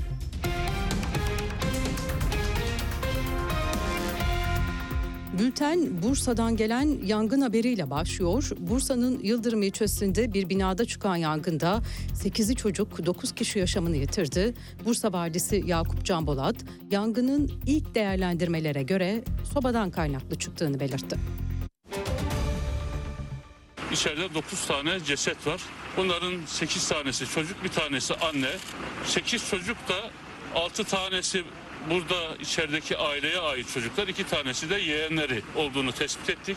Baba dışarıda, baba gelip dışarıdan yangına müdahale ederken dumandan etkileniyor. Daha sonra 112 ekiplerimiz onu hastaneye kaldırdı. Sağlık durumu iyi ama içerideki yangında maalesef 9 tane Suriye kökenli insanımızı kaybettik burada. Peki efendim yangının çıkış nedenine ilişkin ilk itibar nedir? İtfaiyemizin ön tespitleri sobadan kaynaklı olma ihtimalinin yüksek olduğunu gösteriyor. Koronavirüs salgınına ilişkin bir haber var sırada. Türkiye'de 3-16 Ekim haftasında 34.204 yeni vaka tespit edildi. 60 kişi hayatını kaybetti. Salgın hakkında Sağlık Bakanı Fahrettin Koca'dan da yeni bir açıklama geldi. Aralık ayında vaka sayılarının artabileceğini söyleyen Koca, tedirgin olmaya gerek yok dedi. Koca, risk grubundaki kişilere hatırlatma aşısı olması çağrısı yaptı. salgın bitecek diye beklemeyelim. Son 4 günden bu yana kısmi bir artış var. Aralık ayı için bizde bir miktar yükseliş olabilir. Covid korkusuyla yaşamayalım. Bu salgının devam edeceğini, Covid ile birlikte yaşamı artık öğrendik. O nedenle ileri yaşta olan risk grubundaki vatandaşlarımızın mutlaka hatırlatıcı dozlarını yaptırmalarını, hazırlıklı girmelerini Aralık Ocak ayı için söylüyorum. Ekmek Üreticileri Sendikası Başkanı Cihan Kolivar gözaltına alındı. Habertürk TV'de konuşan Kolivar, ekmek aptal toplumların gıda maddesidir. Bilimsel bir şey konuşuyorum. Kişi başı tüketim 210 kilo. İsveç, Norveç, Japonya'da 50 kilo. Bizim toplum ekmekle doyduğu için başında 20 senedir böyle yöneticiler duruyor sözleriyle dikkat çekmişti. Kolivar hakkında Türk milletini alenen aşağılamak suçundan resen soruşturma başlatılmıştı. Cemevlerine yönelik düzenlemeleri de içinde bulunduran torba yasa teklifinin Meclis Genel Kurulu'ndaki görüşmeleri başladı. Görüşmelerde usul tartışması yaşandı. CHP cemevlerine yönelik düzenlemelerin anayasaya aykırı olduğunu savundu. Bu nedenle görüşmelere geçilmemesi talebinde bulundu. Ancak bu talep Meclis Başkan Vekili Haydar Akar tarafından kabul edilmedi. Bunun üzerine teklifin görüşmelerine devam edildi. Görüşmelerin ardından teklifin maddelerine geçilmesi oy çokluğuyla kabul edildi. Oylamanın ardından verilen ara sonrası komisyonun yerinde bulunmaması üzerine Akar birleşimi kapattı. Teklife göre cemevlerinin aydınlatma giderleri Kültür ve Turizm Bakanlığı tarafından karşılanacak. Bu arada cemevlerine yönelik düzenlemeleri içeren torba kanun teklifi Alevi dernekleri tarafından dün Türkiye Büyük Millet Meclisi önünde protesto edildi. Polis Alevi kurumu yöneticileri ve üyelerine müdahalede bulundu. Müdahalenin ardından Alevi dernekleri basın açıklaması yaptı. Alevi Dernekleri Federasyonu Başkanı Celal Fırat, torba yasa değil eşit yurttaşlık istiyoruz dedi. Bu arada Kültür ve Turizm Bakanlığı bünyesinde Alevi Bektaşi Kültür ve Cemevi Başkanlığı kurulmasına ilişkin Cumhurbaşkanlığı kararnamesi resmi gazetede yayınlandı ve karara göre Alevi Bektaşi Kültür ve Cemevi Başkanlığı kuruldu.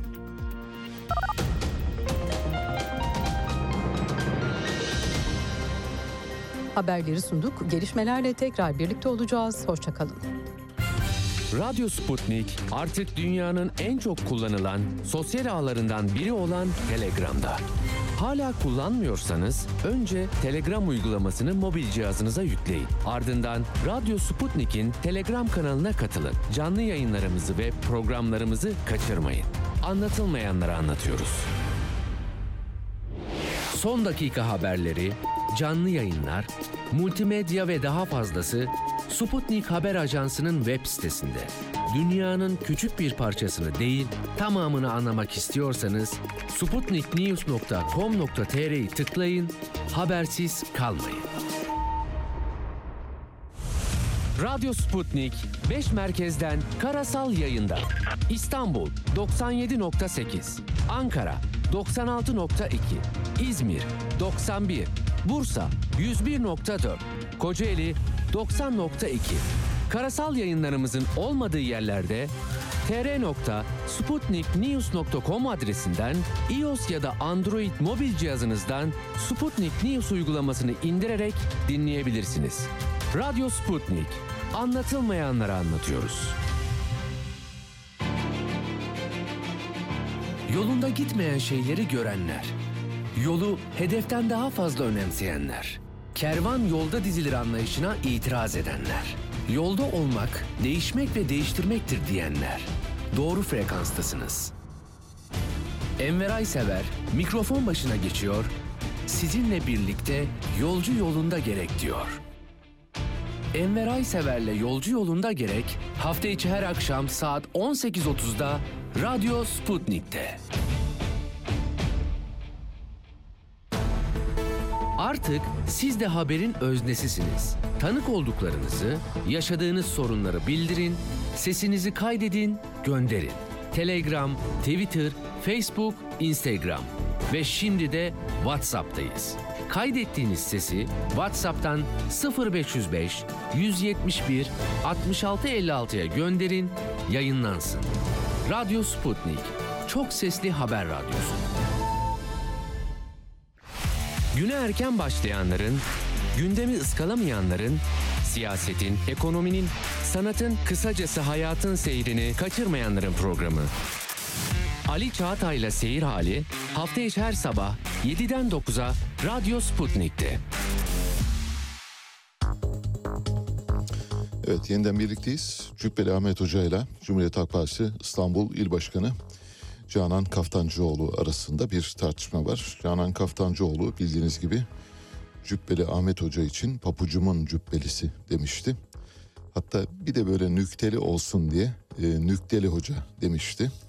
Bunun üzerine Cübbeli Ahmet Hoca kendisine karşı bir dava açtı. Suç duyurusunda bulundu. Bakalım suç duyurusunu takip edeceğiz. Türk Hava Yolları'nın bir ucuz markası var biliyorsunuz Anadolu Jet. Low cost bir markası. Bu cost markayı yakın bir zamanda satmaya hazırlanıyor Türk Hava Yolları. Türk Hava Yolları elinde her ne varsa haraç mezat satarak şu anda elimizde kalan oydu. İyi bir hava yolu markası yaratmışken bu hava yolu markasını satarak oradan gelir elde etmeye başlıyoruz. Ne demişler? Müflis tüccar ne yaparmış? Eski defterleri karıştırılmış acaba kimden ne alacağım vardı diye. Şu anda Türkiye'nin durumu bu maalesef. Oysa bu markanın çok büyük ve güçlü bir markaya dönüştürmesi söz konusu olabilir. Satarken kimlere satacakları da son derece önemli. Takip edeceğiz süreci. Avrupa İnsan Hakları Mahkemesi, Halkların Demokratik Partisi eski eş genel başkanı Figen Yüksekdağ'la 13 milletvekili hakkında yapılan başvuruyu karara bağladı. Figen Yüksekdağ ve milletvekillerinin 4 Kasım'da tutuklanmasıyla ifade özgürlüğü, seçme ve seçilme haklarının ihlal edildiği ve bağlantılı olarak Avrupa İnsan Hakları Mahkemesi'nin Avrupa İnsan Hakları Sözleşmesi'nin 18. maddesinin de ihlal edildiğine karar verdi. Evet Allah'tan böylesi hukukun yani iç hukukumuzun üzerinde hukukla bağlıyız ki arada bir böyle güzel kararlar çıkabiliyor. Elbette bu kararların gereği her zaman yerine getirmiyor. Bu kararların gereği yerine getirilmemeye devam ettiği takdirde bir süre sonra Türkiye'nin Avrupa Konseyi üyeliği askıya alınabilir. Şu ana kadar çoktan Türkiye'nin Avrupa Konseyi üyeliğinin askıya alınması gerekirdi. Çünkü son derece antidemokratik uygulamalar var. Mesela Cihan Kolivar'ın gözaltına alınmasını gerektirecek ne var diye soruyorum ben size. Soruyorum buradan. Ne var mesela Cihan Kolivar yanlış bir şey mi söyledi? Ekmek aptal toplumların gıdasıdır demekle acaba Türk toplumunu hakaret mi etmiş oldu? Bizden daha fazla ekmek yiyen toplumlar var. Mesela onları kastetmiş olabilir ama işte Cihan Kolivar konuşmaya başladı ve konuşmaya devam edecek. Cihan Kolivar büyük bir fenomene dönüşüyor. Şimdi Cihan Kolivar'ın burnunu sürtüyorlar. Cihan Kolivar muhtemelen tutuklama olmayabilir. Umarız tutuklama çıkmaz. Çıkarsa çok şaşırırım. Tutuklama olmadan çıkacak. Burnu sürtülmüş vaziyette bir daha da konuşmayacak. Muhtemelen gelen herkesi geri gönder. Gidin kardeşim başımdan ben yeterince dert aldım. Bir de sizin derdinizi çekemem diyecektir. İş o noktaya doğru geliyor. Tutuklanırsa büyük bir e, hukuk skandalıyla karşı karşıya kaldığımızı söyleyebiliriz. Bekliyorum da mümkündür tutuklanması da söz konusu olabilir. Türkiye'de hiçbir şeye şaşırmıyoruz artık. Bülent Ersoy, Diva. Bildiğiniz gibi Caddebostan'da bir evi var. Caddebostan'daki evinin yanında da bir cami var. Bu caminin de bir müezzini var. Söz konusu müezzin ezanı biraz böyle kırık makamla okuyormuş herhalde ya da hangi makamla okuduğunu bilmiyorum ama ezanın yani Türkiye'ye özgü, Türk Türkiye'deki camilere özgü bir makamı var. Onu biliyoruz. İmamın bu okumasından rahatsız olmuş. Pencereye çıkmış. İmama ses, müezzine seslenmiş. Tabii müezzin duymamış yani işte artık nasıl seslendiyse bilmiyoruz. En sonunda telefon etmiş müezzini ayağına getirtmiş eve. Müezzine iki ders kurs vermiş ve müezzin şu anda ezanı buna göre okuyacak. Şimdi ben merak ediyorum mesela yarın müezzinin ezanı nasıl okuduğunu anlayacağız. Yani müezzinde böyle bir parça kulak varsa anlamıştır diye düşünüyoruz. Ha kulak yoksa yapacak bir şey yok yani. Onu Bülent Ersoy'un yeniden kulak takacak hali yok. Ona bir kulak yolu monte etmesi söz konusu değil. Komik bir şey yani sadece. Yani böyle bir şey haber olarak verilmesini çok istemezdim ama şimdi herkes konuşuyor. Herkesin konuştuğu bir şeyi görmezden gelmeyelim. Biz sadece şuna dikkat ediyoruz. Gerçeklik derecesi teyit edilmemiş haberleri vermiyoruz mümkün olduğu kadar. Fiktif haberleri, uydurulmuş haberleri vermiyoruz. Gerçek dışı bilgileri haber olarak vermiyoruz. Gerçek olan ama hani böyle ya bu da verilir miydi denilen bazı haberleri vermek durumunda kalıyoruz. Yarın öbür gün derler ki ya koskoca Bülent Ersoy bak müezzini gitti iki derste düzeltti. Siz bunu haber olarak yapmadınız bile yani bize karşı bir şey olabilir. O sebeple veriyorum. Bak üzerimizdeki yükü atıyoruz. Türkiye'deki uyuşturucu trafiğinin araştırılması için bir meclis araştırma önergesi verildi muhalefet tarafından. Tahmin ediyorsunuz herhalde değil mi? Önergenin hemen doğrudan otomatik olarak AK Parti ve MHP oylarıyla reddedildiğini söylememize hiç gerek yok. Muhalefetten gelen her ne olursa olsun, her ne olursa olsun. Mesela okullarda çocuklara bir öğün yemek verilmesiyle ilgili önerge geldi. Kafadan red. Yoksul ailelerin e, iskan edilmesiyle ilgili bir süreç başlatıldı. Kafadan red. Kredi Yurtlar Kurumu'na eşdeğer yurtlar yapılması için belediyelerin harekete geçmesi istendi. Buna red. Her şeye red. Kafadan kamu çıkarı olan her şeyin bugünkü siyasal yapı tarafından görüşülmeden reddedildiğini görüyoruz. AK Parti ve Milliyetçi Hareket Partili milletvekillerini aldıkları maaşı hak etmeye davet ediyoruz. Eğer aldığınız maaşı hak etmek istiyorsanız hiç değilse görüşmelere katılmayın, hiç bulunmayın. Muhalefet oradaki çoğunluğuyla yani karar e, toplantı yeter sayısıyla o şeyi geçir. Karar yeter sayısı da var zaten muhalefetin. Mesela siz katılmazsanız bu günaha iştirak etmemiş olursunuz. Öteki dünyada da ruhunuz muazzep olmaz. Yani azap içinde olmazsınız. Cumhurbaşkanı Erdoğan her kim Türkiye'yi uyuşturucu kaçakçılarıyla aynı fotoğrafın içine sokuyorsa yaptığı iş 5. kol faaliyetidir dedi. Şimdi bu 5. kol faaliyeti tabi bilmeyenler açısından söylüyoruz. 5. kol şu. İspanya İç Savaşı'nda Franco Madrid'i dört taraftan sarıyor. Dört taraftan sarıyor fakat bir türlü Madrid'e giremiyor. Madrid'de müthiş bir e, dayanışma var. Dünyanın her tarafından e, uluslararası, evrensel e, demokrasiye inanan insanlar ve sosyalistler bu savaşa katıldılar. İspanya İç Savaşı'na katılmayan neredeyse yazar çizer yok. Örneğin George Orwell bile İspanya İç Savaşı'na katılmış ve Cumhuriyetçilerin safında çarpışmıştır. Böylesine kutsal bir savaştır. Bu kutsal savaşta General Franco'nun, faşist diktatör General Franco'nun bir generali diyor ki, generalim bir e, planım var. Nedir diyor. Plan şu, içeride diyor bir kargaşa çıkaralım Madrid'de. Halkı galeyana getirelim. Halkı galeyana getirip diğerlerinin üzerine salalım diyor. Ve nitekim bu başarılıyor. Bunun adına 5. kol faaliyeti deniyor. Bir orduyu, bir kaleyi kuşatmışsınız ve fethedemiyorsunuz, giremiyorsunuz. O kente dokunamıyorsunuz. Kenti içeriden fethetmek için içeride bir yaygara çıkarıyorsunuz, bir dedikodu çıkarıyorsunuz ya da birbirlerini e, hasım haline getiriyorsunuz. Buna 5. kol faaliyeti deniyor. 5. kol faaliyetinin tarihte başka örnekleri de var ama 5. kol faaliyeti ilk kez General Franco döneminde İspanya İç Savaşı'nda literatüre giren bir kavramdır. Ondan öncesinde Roma'da var, Antik Yunan'da var, Kartaca'da var, Mısır'da var, pek çok yerde var. Pek çok yerde bu kullanılmıştı. Mesela Roma 5. kol faaliyetini kavimler göçü sırasında kullanmıştı ve kavimler arasına huzursuzluk sokarak onları birbirine kırdırmıştır. Kartaca da aynı şekilde Hannibal da bunu yapmıştır. Roma'ya karşı kullanmıştır. Roma'yı bu şekilde ortadan kaldırmaya çalışmıştır. Ayrıca Naziler de Almanya'da bunun benzerlerini gerçekleştirmiştir. Türkiye'de 5. kol faaliyeti var mıdır sizce? Onun mesela Türkiye'de bir beşinci kol faaliyetine örnek olabilecek olay hatırlıyor musunuz? Ben hatırlatayım size. Türkiye'de beşinci kol faaliyetine sayısız örnek verebilirim. Sayısız. Mesela Sivas katliamı bunun bir parçasıdır. Kahramanmaraş, Malatya olayları bunun bir parçasıdır. Tokat olayları bunun bir parçasıdır. 6-7 Eylül 1955 5. kol faaliyetinin bir parçasıdır. Bütün bunlar planlıdır.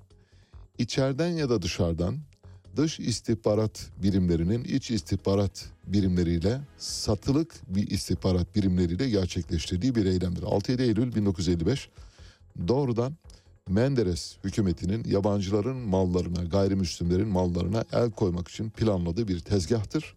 Bu tezgahta bir beşinci kol faaliyetidir. Daha yakın zamandan bir beşinci kol faaliyeti vereyim. Mesela Kurtlar Vadisi dizisi bence büyük bir beşinci kol faaliyetidir. Türkiye'de olmadık şeyleri olmadık kisvelere büründürerek insanları birbirlerine kırdırmışlardır. Uyuşturucu meselesine gelince Cumhurbaşkanı Türkiye'nin bir uyuşturucu cennetine dönüştürülmek istendiğini ve bunun da bir beşinci kol faaliyeti olduğunu söylüyor. Yani içeriden birileri yapıyor. Peki o zaman ben buradan Sayın Cumhurbaşkanı'na soruyorum.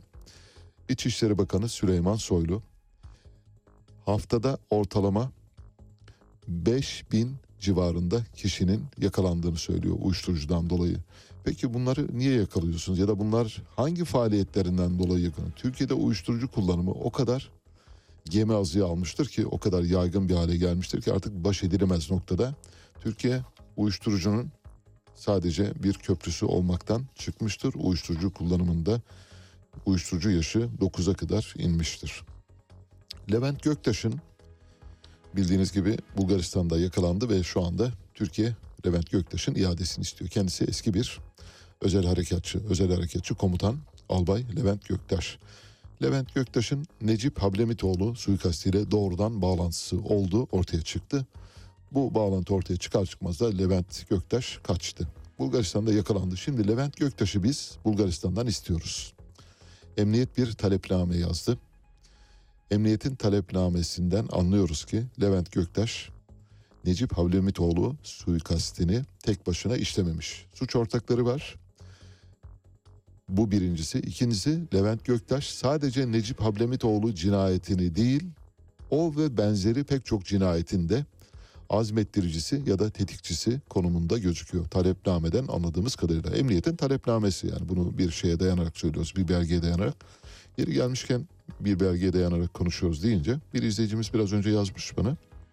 Diyor ki TOG yani yerli otomobil fabrikası ile ilgili yaklaşımınızı bir gazeteci olarak size yakıştıramadım diyor ki beni çok beğeniyormuş. Yani yaptığım işi beğendiğini söylüyor. Bunu yakıştıramadım diyor. Ben de ona kendisine biraz önce bir mesaj gönderdim. Dedim ki elinizde herhangi bir belge varsa TOG otomobil fabrikasının içinde çalışır durumda üretim bantları varsa böyle şakır şakır arabalar monte ediliyor yapılıyorsa bu görüntüleri gönderin. Bütün söylediklerimden sarfı nazar edeceğim ve bu görüntüleri yayınlayacağım. TOG'la ilgili de aklınıza gelebilecek bütün övgüleri kullanacağım. Ama ortada böyle bir şey yok. Fabrikanın lansmanı yapıldı. Ortada fabrika yok. Fabrikanın lansmanı yapıldıktan sonra fabrikanın içinden görüntüler yayınlandı. Bu görüntülerde ortada üretim bandı yok. Bildiğiniz işte iskeleler dizilmiş, fabrikanın çatısı çatılmış o kadar boş, bomboş bir fabrikadan bahsediyoruz. Acaba TOG fabrikasında fiili üretim olmuş olsaydı şu ana kadar havuz medyası 7'den 77'ye A Haber'den Z Haber'e kadar hepsi günlerce yayınlar yapmaz mıydı? Yapardı. Var mı? Görüyor musunuz? Sen gördün mü herhangi bir? Ben görmedim. O zaman yok. E şimdi yok olan bir şeyi nasıl e, savunabilirim? Eğer izleyicimize de yazdım. Kendisini ben de seviyorum bu arada. Yani dedim ki eğer varsa elinizde lütfen gönderin. Bunu paylaşacağım ve gerekli her şeyi söyleyeceğim. Ama olmayan bir şeyi de varmış gibi kabul etmemizi beklemeyin. Yok yani. Elimizde belge varsa konuşuruz. Şimdi elimizdeki belge Levent Göktaş'ın talepnamesi. Emniyet Bulgaristan'dan istiyor. Diyor ki Necip Hablemitoğlu'nun 18 Aralık 2002'de evinin önünde uğradığı silahlı saldırı sonucu katledilmesine ilişkin soruşturmanın firari şüphelisi durumunda olan ve Bulgaristan'da tutuklu bulunan eski özel kuvvetler MAK alay komutanı Levent Göktaş hakkında ki iade ta- talepnamesi ortaya çıktı. Talepnamede Levent Göktaş tasarlayarak öldürme suçuna azmettirme ve suç işlemek amacıyla kurulan örgüte üye olmakla suçlanıyor. Ve eski MİT'çi şu anda cezaevinde bulunan FETÖ'den cezaevinde bulunan Enver Altaylı ile CIA ajanı aynı zamanda MİT ajanı Enver Altaylı ve Fethullah Gülen'in sağ kolu olarak bilinen Mustafa Özcan'ın cinayetin planlayıcısı olduğu belirtiliyor. Nerede yazıyor? Talepnamede yazıyor. Talepnameyi kim yazmış? Emniyet yazmış. Levent Göktaş'ın cinayetin azmettiricisi olduğu bildiriliyor. Yine talepnamede soruşturma kapsamında tutuklanan ve olay yerinde keşif yapan özel harekatçı Gökhan Nuri Bozkır'ın da ifadesinde eylem talimatını Göktaş'ın verdiğini söylediği aktarılıyor. Tarkan Mumcuoğlu'nun da tetiği çeken kişi olduğu bildiriliyor. Gökhan Nuri Bozkurt bildiğiniz gibi eski bir özel harekatçı. Bir süre önce Ukrayna'da yakalanmış ve Türkiye'ye iade edilmişti. Her şey ortada, emniyetin talepnamesi ortada. Necip Hablemitoğlu bir FETÖ suikastinin kumpasının kurbanıdır. İşin içinde Levent Göktaş var. Enver Altaylı var. Fethullah Gülen'in yardımcısı Mustafa Özcan var. Tetikçileri saymıyorum onlar sayılmaya bile değmez. Onların üzerinde bahsedilmeye bile değmez. Çünkü onlar sadece verilen işi yapıyorlar. Belki para karşılığında bile yapmış olabilirler. Vatan millet için yapıyoruz derler ya öyle değildir. Abdullah Çatlı da mesela vatan millet için dedi. Uyuşturucuyla sabıkalı olduğu ortaya çıktı. Daha doğrusu uyuşturucu trafiğini yönettiği ortaya çıktı yıllar sonra. Güney Kore'de eğer böyle hani çok sıkıldıysanız size hoş, güzel, değişik bir haber vermeye çalışacağım. Güney Kore'de bildiğiniz gibi Kuzey Kore ile Güney Kore arasındaki yakınlaşma döneminde Kuzey Kore Devlet Başkanı Kim Jong-un'un Güney Kore'nin o dönem devlet başkanı olan Moon Jae-in'e hediye ettiği iki tane köpek vardı. Bu iki köpek şimdi devletin başında büyük bir sorun haline geldi. Dün paylaşmıştık. İki köpeğin devletin demirbaş kaydına geçmesi için eski devlet başkanı başvuruda bulunmuş. Fakat yeni devlet başkanı demirbaş kaydını almamakta ısrar ediyor. Adam da diyor ki ya ben köpekleri birinden hediye aldım. Bana ait değil. Bir de çok tabii bu kavganın altında ne yattığını biliyorsunuz değil mi? Köpeklerin aylık masrafı 1800 dolar. Şimdi zavallı devlet başkanı emekli maaşını köpeklere mi harcasın kendine mi harcasın? Bütün hikaye bunun üzerine dönüyor. Koskoca Güney Kore'den bahsediyoruz. Hani böyle büyük devlet, e, güçlü ekonomi dediğimiz yerde orada da böyle şeyler oluyor. Bütün ülkelerde her türlü şey olabilir. Yani böyle şaşırmayınız. Ve bu İngiltere'de de olabilir, Türkiye'de de olabilir ama Türkiye'de olunca bize böyle biraz şey geliyor. Ya bunlar da mı oluyor kardeşim falan diyoruz. Oluyor maalesef işte. Güney Kore, Kuzey Kore iki tane köpek yüzünden eski devlet başkanı, yeni devlet başkanı, eski başbakan, yeni başbakan, eski genelkurmay başkanı, yeni genelkurmay başkanı. Halk ikiye bölünmüş karpuz gibi iki tane köpeğin nerede kalacağını belirlemeye çalışıyor. 1800 dolar. Onucu varsa paramız gönderelim. Alalım köpekleri. Ayda 1800 ama çok para. 1800 dolar veremeyiz bir kampanya başlatırız. Mesela şey gibi Mehmet Aydın gibi çiftlik bank benzeri bir şey. Mesela köpek evi gibi bir şey kurarız. Ya da K9. Gerçi bunlar K9'a benzemiyor ama olsun. Yani K9 diye yuttururuz. İnan bana yutturabiliriz. Çok emin ol. Yani yeni K9'lar bunlar. Hibrit hibrit K9'lar diye ama çok şey değiller. Böyle ele avuca gelir tipler değil böyle bir avuca sığacak kadar. Biraz büyütürüz. Büyüttükten sonra onları K9 diye pazarlarız. İran'da son bir yılda yaklaşık 21 bin kişi hava kirliliğinden öldü. Bu haberin fiktif bir haber olduğunu düşünüyorum. Batı ajansları tarafından yayılmış. İran'da görüyor musunuz? Bakın doğalgaz ülkesinde insanlar hava kirliliğinden ölüyor.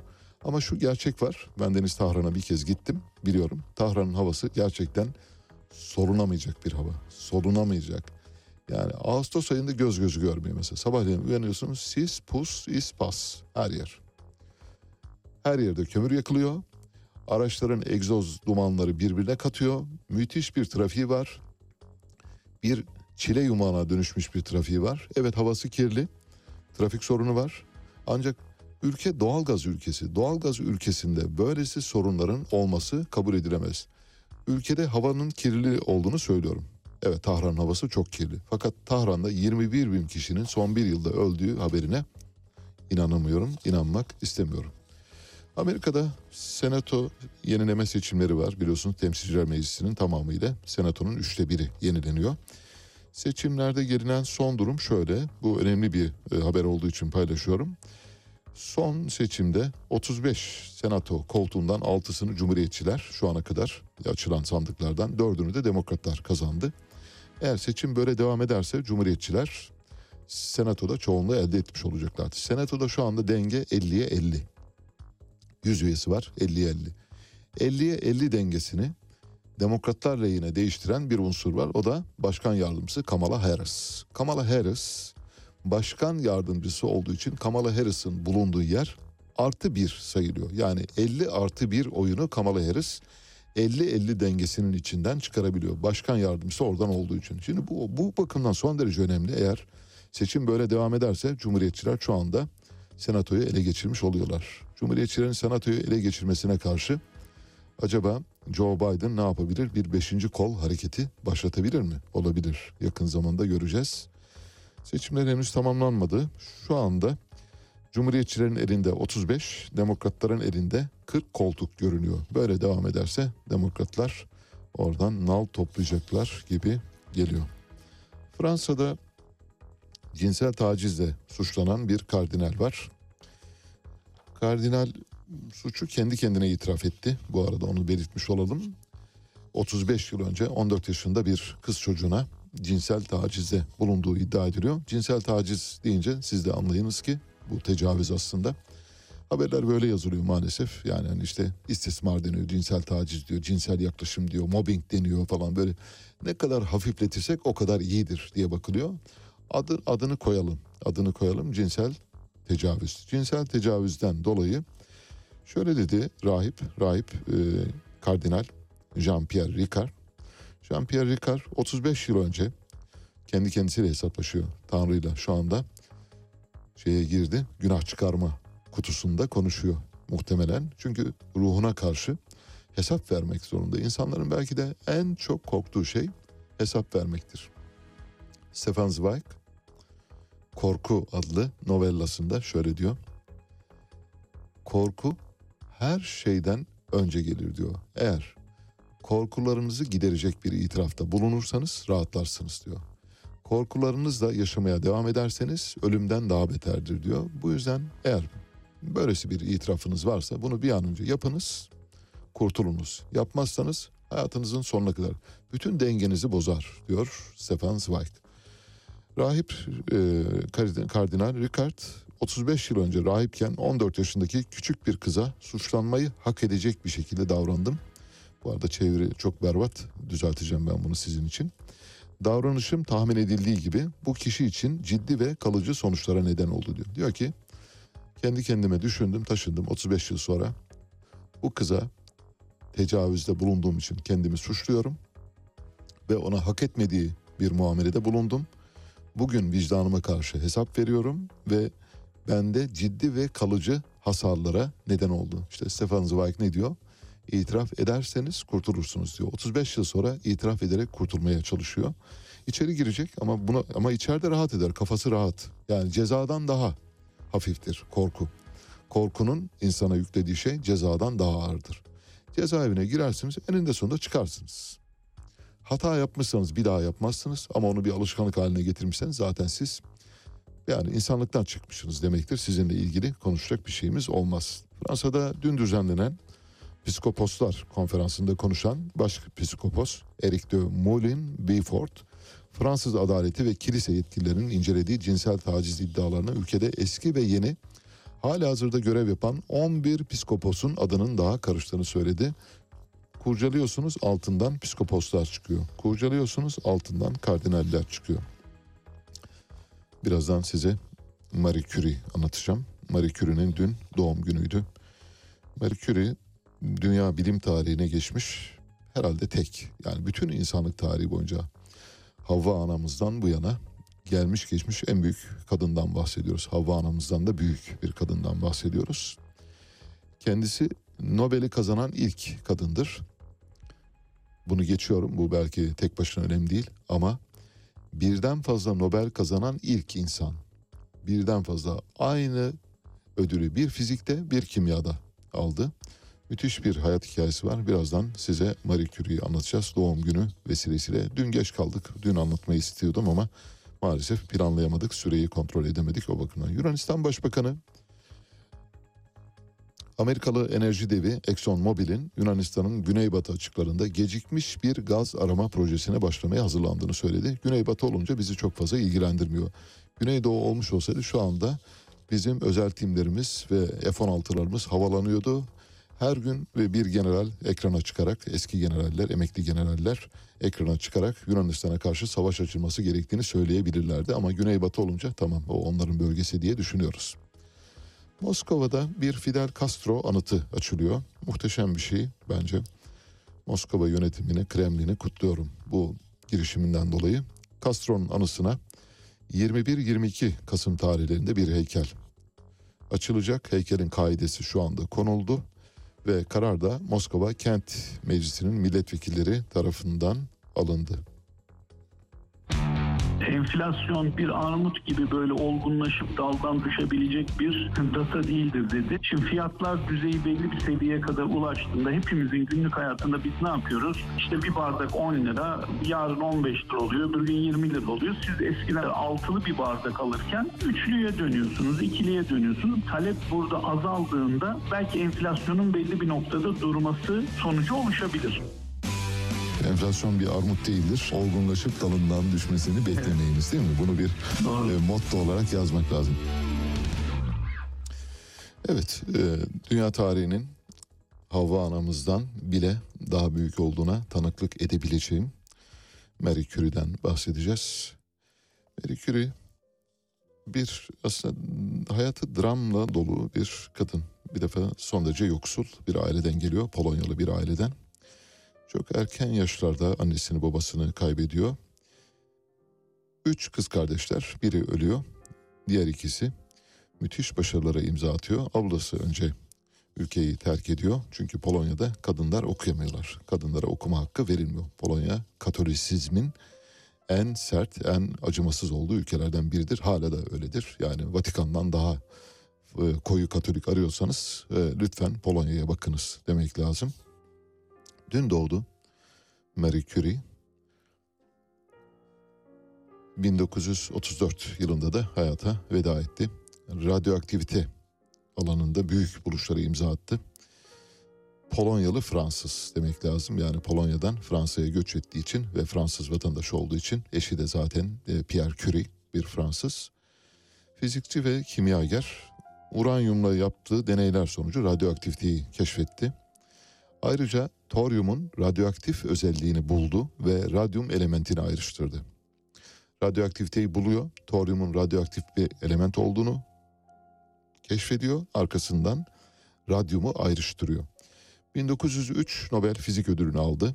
İlk ödül alan, Nobel alan ilk kadın ünvanına sahip. 1911'de de hem fizik ödülünü hem kimya ödülünü kazanmış ilk insan oldu radyoloji biliminin de kurucusu. Bugün eğer radyoterapi varsa, hayatımızda röntgen varsa hepsi tamamı Marie Curie'nin eseridir. Tek başına demeyelim elbette Pierre Curie ile birlikte yakın çalışma arkadaşlarından Henry Becquerel ile birlikte Henry Becquerel de bildiğiniz gibi radyoaktivitenin ölçüm birimini Becquerel ile ölçülür radyoaktivite. O da ismini ona vermiş. O da büyük bir bilim insanı yakın ilişkileri var. Birazdan e, Henry Becquerel ve yakın aile çevresiyle olan ilişkilerinden de bahsedeceğim.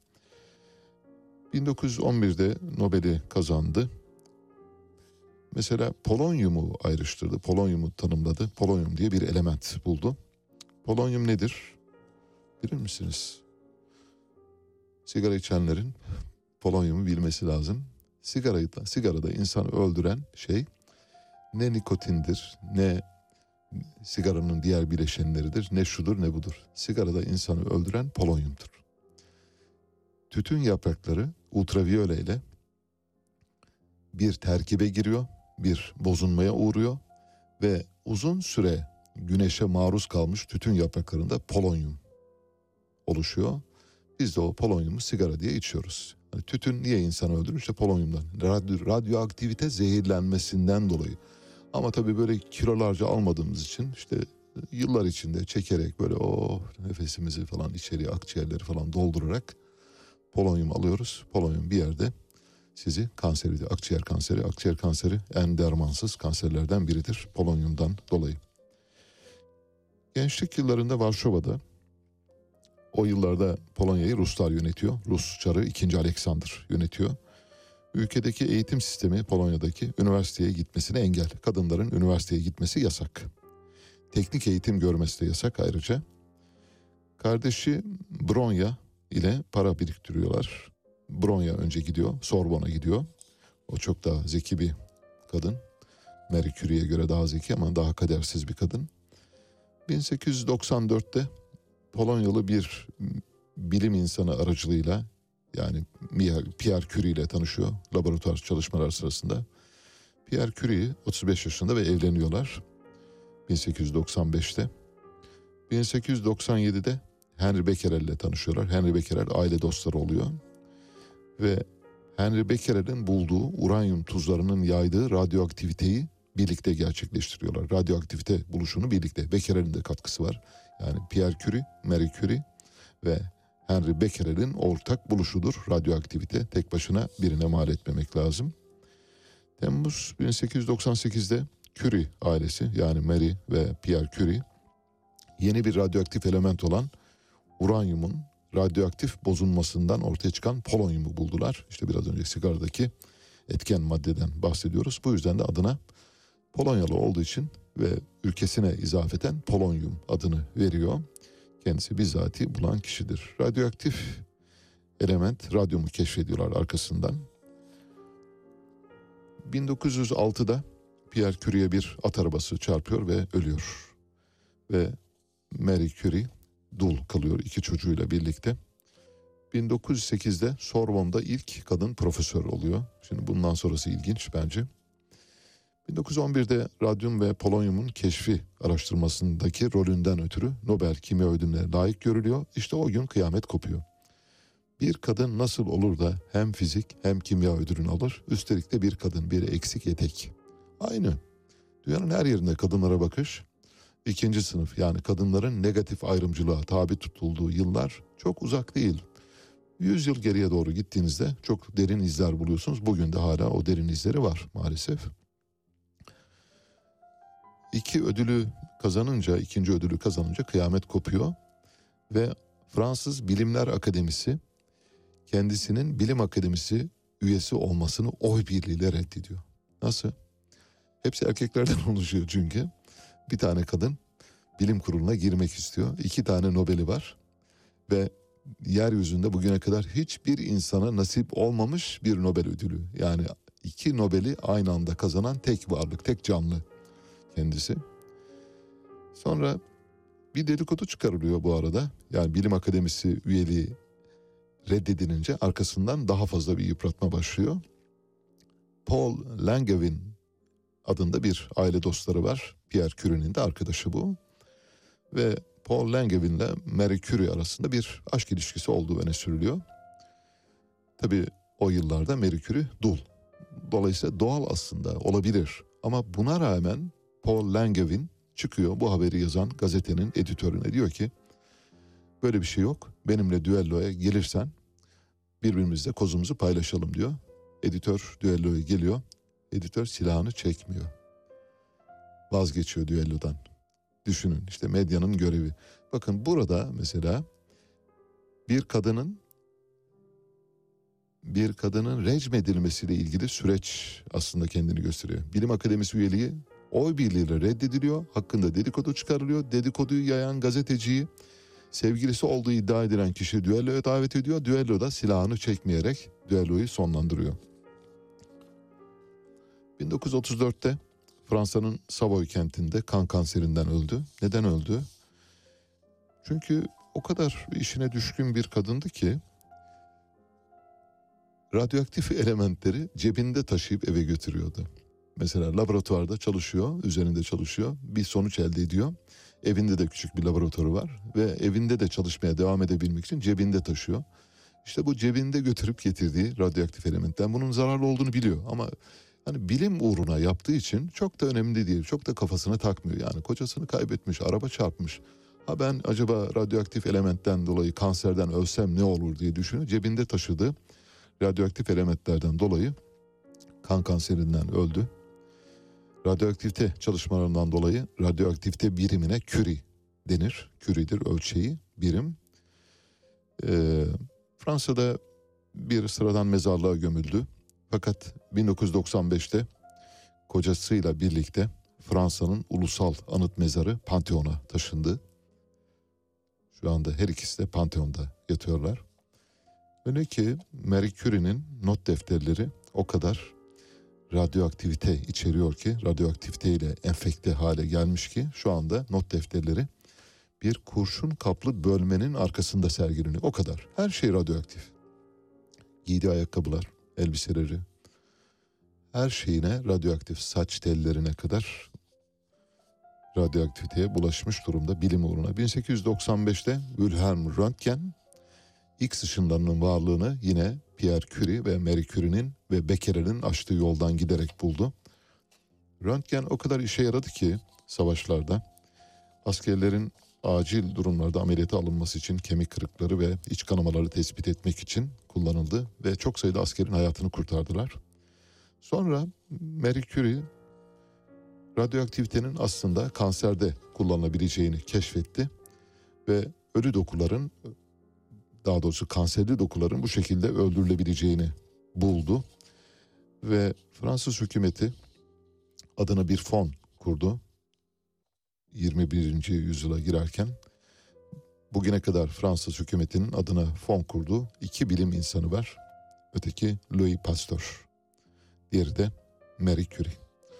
Kendisini buradan saygıyla ve minnetle anıyoruz ve doğum gününü kutluyoruz. E, zaten süreç Osman Kavala'nın tutukluluğunun sürdürülmesi üzerine kurulmuş. Aynen. Bu tutukluluk devam etmesi için hukuka karşı verilen bir mücadele haline girmiş durumda. Merkez Bankası'nın son aylarda izlemiş olduğu para politikası doğrudan enflasyonda bu sıçramaya yol açtı. E, yani ve de, devamı da gelecek. Ülkeyi aslında öyle yönetiyorlar ki adeta koca bir survivor oyunu gibi. Bugün için önemli olan husus Türkiye'de bu sistemin değişmesidir. Bu sistem yani Cumhurbaşkanlığı hükümet sistemi maalesef uygulama aşamasında kağıt üzerinde durduğu gibi durmadı. Ali Çağatay'la Seyir Hali hafta içi her sabah 7 ile 9 arasında Radyo Sputnik'te. Evet. Bir araştırma var. Ee, Almanya Federal Kriminal Dairesi, Polis Dairesi tarafından yapılan araştırma. Ülkede yaşayan yabancıların önemli bir bölümünün başta Türklerin ve sonra da Polonyalıların ülkede yaşarken tedirgin olduklarını ortaya koyuyor. Bir sınıflama yapılmış. Almanya'da bir sokakta yürürken, yalnız başınızayken ya da evinizdeyken ya da bir yerden bir yere giderken kendinizi ne kadar tedirgin hissediyorsunuz diye sormuşlar. Tedirginlik sıralamasının en üst basamağında Türkler yer alıyor. Türklerin neredeyse yüzde yüzü kendini tedirgin hissediyor. Bizim arkamızdan Polonyalılar geliyor ve Almanya şu anda bu sorunu tartışıyor. Acaba ülkemizdeki yabancılar ya da ülkemizin yapı taşını oluşturan çünkü 60'lı yıllardan beri oradayız. Polonyalılar da orada. Polonyalılar bu arada bizden önce gitti onu da söyleyelim. Yugoslavlar da bizden önce gittiler. Yunanlar da bizden önce gittiler. İşte yurt dışına neden işçi gönderiyoruz gibi şeyler konuşuluyor. Bunlar safsata tabii. Yani ülkede sanayinin olmadığını ve çalışabilme koşullarının olmadığı bir ortamda elbette insanlar bir yere gidecekti. O günkü durumla bugünkü durumu benzeştiren kişiler çıkabiliyor. Bu, bugün de beyin göçü var, dün de vardı diyorlar. Dünkü beyin göçü değildi. Dün, dün, dün giden kol gücüydü, kas gücüydü, emekti, başka bir şey değildi. Sadece ekmek parası için gidiyordu. O çok yediğimiz ekmek var ya onun için gittiler. Ama bugünkü beyin göçü ve gerçekten Türkiye'yi yaşanmaz bir ülke haline geldiği için terk edenler oluşturuyor bu beyin göçünü. Bir araştırma var onu da paylaşayım Almanya'daki Türklerle ilgili tedirgin olan vatandaşlarımız. Bir tez bu. Profesör Doktor Özlem Sertkaya Doğan'ın tezi. İstanbul Üniversitesi Sosyal Bilimler Enstitüsü'nün e, enstitüsünde yayınlanan bir doktora tezi. Almanya'ya ilk 1960'lı yıllarda gitti işçilerimiz ve 1961 yılında Almanya'ya giden işçi sayısı sadece 1476 idi. Şimdi yıllar itibariyle Almanya'ya giden işçi sayısı 1971'e geldiğimizde 88 bine çıktı. Yıl bazında söylüyorum. Toplamda şu anda yani son rakamı belki son rakam değil bu güncel olmayabilir beni bağışlayın lütfen. Şu anda Almanya'da 955 bin civarında yani tüm zamanlar itibariyle Almanya'ya giden Türk işçilerinin sayısı aileleriyle birlikte 955 bin olarak belirleniyor. Almanya'ya giden işçiler Maastricht kriterleri, Maastricht anlaşması çerçevesinde gitmiştir. Maastricht anlaşmasını biz hep nereden biliyoruz? İşte ülkelerin bütçe denkliklerinin e, belli bir rasyoya oturmasına Maastricht, Maastricht anlaşması o değil. Maastricht anlaşması aynı zamanda bir iş gücü değişim anlaşması. İş gücünün verimliliği anlaşmasıdır. Ülkelerin verimli iş gücü oluşturabilmesiyle ilgili bir süreci de beraberine getiriyor. Yani Maastricht Anlaşması çok sayıda maddeden oluşan maddelerden bir tanesi sadece ülkelerin bütçelerinin denkliğini öngörür. O da yüzde üçtür. Türkiye şu anda bu yüzde üçü aşıyor. Hatta yıl sonu itibariyle yüzde beşin çok üzerinde bir bütçe açığımız olacak. Diaspora ile gidenler arasında sadece Almanya'da biz değil yani pek çok ülkeden insanlar var. Biz buna diaspora demiyoruz. Çünkü diaspora şöyle örneğin Filistin'in bir diasporası var. Ermenistan'ın bir diasporası var. Rumların bir diasporası var Türkiye'de olduğu gibi. Yahudilerin diasporası var dünyanın dört bir tarafında İspanya'dan Rusya'ya kadar. Türkiye'den giden işçileri diaspora diye nitelemiyoruz. Çünkü diaspora kavramı ters yüz edilmiş oluyor bu durumda. Halen Almanya'da 520 bini Kuzey Ren Vesfalya'da olmak üzere toplam 1 milyon 549 bin Türk vatandaşı var. Bu rakam da güncel değil. En son rakamı bulamadığım için özür diliyorum. Şuraya geleceğim. Bu araştırmayı şunun için paylaşıyorum. Yani neden paylaştığımı belirtmek için. Almanya'nın nüfusu 82 milyon. Bir kenara yazın bunu. Almanya'daki göçmen nüfusu ne kadar? 9,5 milyon. Nasıl? Yüzde onundan daha fazla. Şimdi Türkiye'nin nüfusu 84 milyon. İçimizdeki Suriyeliler, Afganlar, Bangladeşler, İranlılar, Iraklılar, Libyalılar, Tunuslular, Faslılar hepsini sayıyoruz 10 milyon. Türkiye Almanya'ya göre daha az göçmen nüfusuna sahip. Ama Almanya bu entegrasyonu o kadar başarılı yapmış bir ülke ki şu anda içeride işte bugün mesela bu tartışılıyor. Bu araştırmayla anlıyoruz ki Almanya yabancıların ülkede kendilerini iyi hissetmemelerinin sebeplerini araştırarak buna bir çözüm bulmaya çalışıyor. Almanya'da yabancı karşıtlığının bayraktarlığını Alternatif für Deutschland Partisi kısa adıyla AFD dediğimiz Almanya için Alternatif Parti, Faşist Parti üstleniyor. Almanya için Faşist Parti kapatılırsa bu akım biter mi? Türkiye'de olsaydı muhtemelen hemen kapatırlardı ve akımın bitmesi beklerdi. Ortada duruyor, mal ortada. Mal ortadayken siz partiyi kapatsanız ne olur? Mesela HDP'yi kapatıyorsunuz. HDP'yi kapattığınız zaman 25 milyon Kürdü ortadan mı kaldırmış oluyor? Öyle bir şey yok. Eğer Almanya bugün yabancı düşmanlığını sona erdirmek için parti kapatma yolunu denemiş olsaydı şu anda AFD çoktan kapatılmış olurdu. Bu çözüm değil. Bunun çözüm olmadığını biliyoruz. Ama biz aynı şeyleri tekrarlayarak, yineleyerek farklı sonuçlar alma konusunda büyük bir zihin karışıklığı, karmaşası içindeyiz maalesef. Evet geldik telefon bağlantısı saatimize.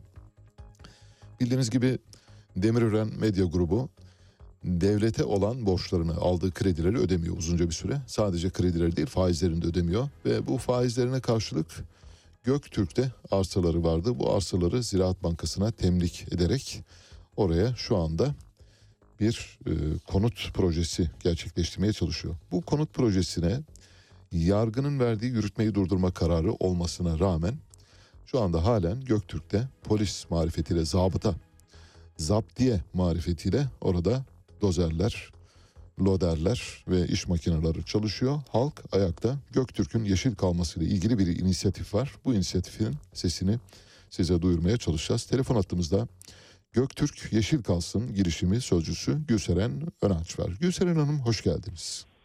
Merhaba, hoş bulduk Ali Bey. Sesimiz olduğunuz için teşekkür ediyorum. Ne demek, ne demek her zaman. Şimdi yaklaşık 7 dakika vaktimiz var. Hadi marjla söyleyeyim 8 dakika. Bize olup bitenleri anlatmanızı ve girişimin neler yaptığını izah etmenizi rica ediyorum. Sizi dinliyoruz. Evet. Şu anda Kemerköy'de tam teşekküllü bir işgal altındayız. 31 Ekim'den beri 650 tane bu arada sesim yankılanıyor bana geliyor da. Eğer radyo açıksa yakınınızda radyonun sesini kısmanız lazım. Değilse biz bir hal çaresi bulacağız. Merak etmeyin ses masasından tamam. hallederiz şimdi. Evet. Okey tamam. Şimdi evet. geçti galiba. Tamam peki. Ee, demin siz de söz ettiniz aslında bunun e, bağımsız medyayı yok edişiyle çok e, yakından bir ilişkisi var bizim Kesinlikle. bu haklı davamızın hikayesinin. Evet, e, Demirören'in Doğan Medya'yı ele geçirmek üzere e, Ziraat Bankası'ndan aldı bu 750 milyon dolarlık krediye gösterdiği teminat aslında bizim e, üzerinde hak iddia ettiğim, hak hakkımız olan yeşil alanlarımız. Evet. E, bu yeşil alanların üzerinde herhangi bir imar izni yok. Dolayısıyla e, kullanım alanları sadece spor ve e, yeşil alan olarak tasdikli. Evet. Ama e, bu karşımızdaki işte çete buna bir kılıf da uydurdu. Gidip Çevre Şehircilik Bakanlığı'ndan bir e, imar izni, imar planı çıkardılar. Evet. E, bu dört yıldır süren bu Demirören'in Doğan Medya'yı aldıktan sonra başlattığımız hukuksuzluk sürecinde bizim e, kazanımlarımız, bizim hukuksuzluğa karşı verdiğimiz mücadelede kazanımlarımızdan bir tanesi bu yapılan e, imar planını iptal ettirmekti. Evet. E, e, biz bunu iptal ettirdik ama e, Ziraat Bankası'nın geri dönüp bu e, borcu Demirören'den tahsil etmesi gerekirken başka bir kılıf uydurdular. Bu sefer bizim alanımızı e, reze- rezerv yapı alanı ilan ettiler. Evet. Rezerv yapı alanları normalde afet bölgelerine yakın Tabii. alanlarda olabilecek. Evet. E, bu arada bizim en yakın afet bölgesi 35 kilometre uzakta. Evet. E, ama yani şu anda zaten herhangi bir ak, akıl, nizam, hukuk a, aramıyoruz maalesef. Evet maalesef. Şu anda hepsi bir silsile halinde üzerimize geliyor.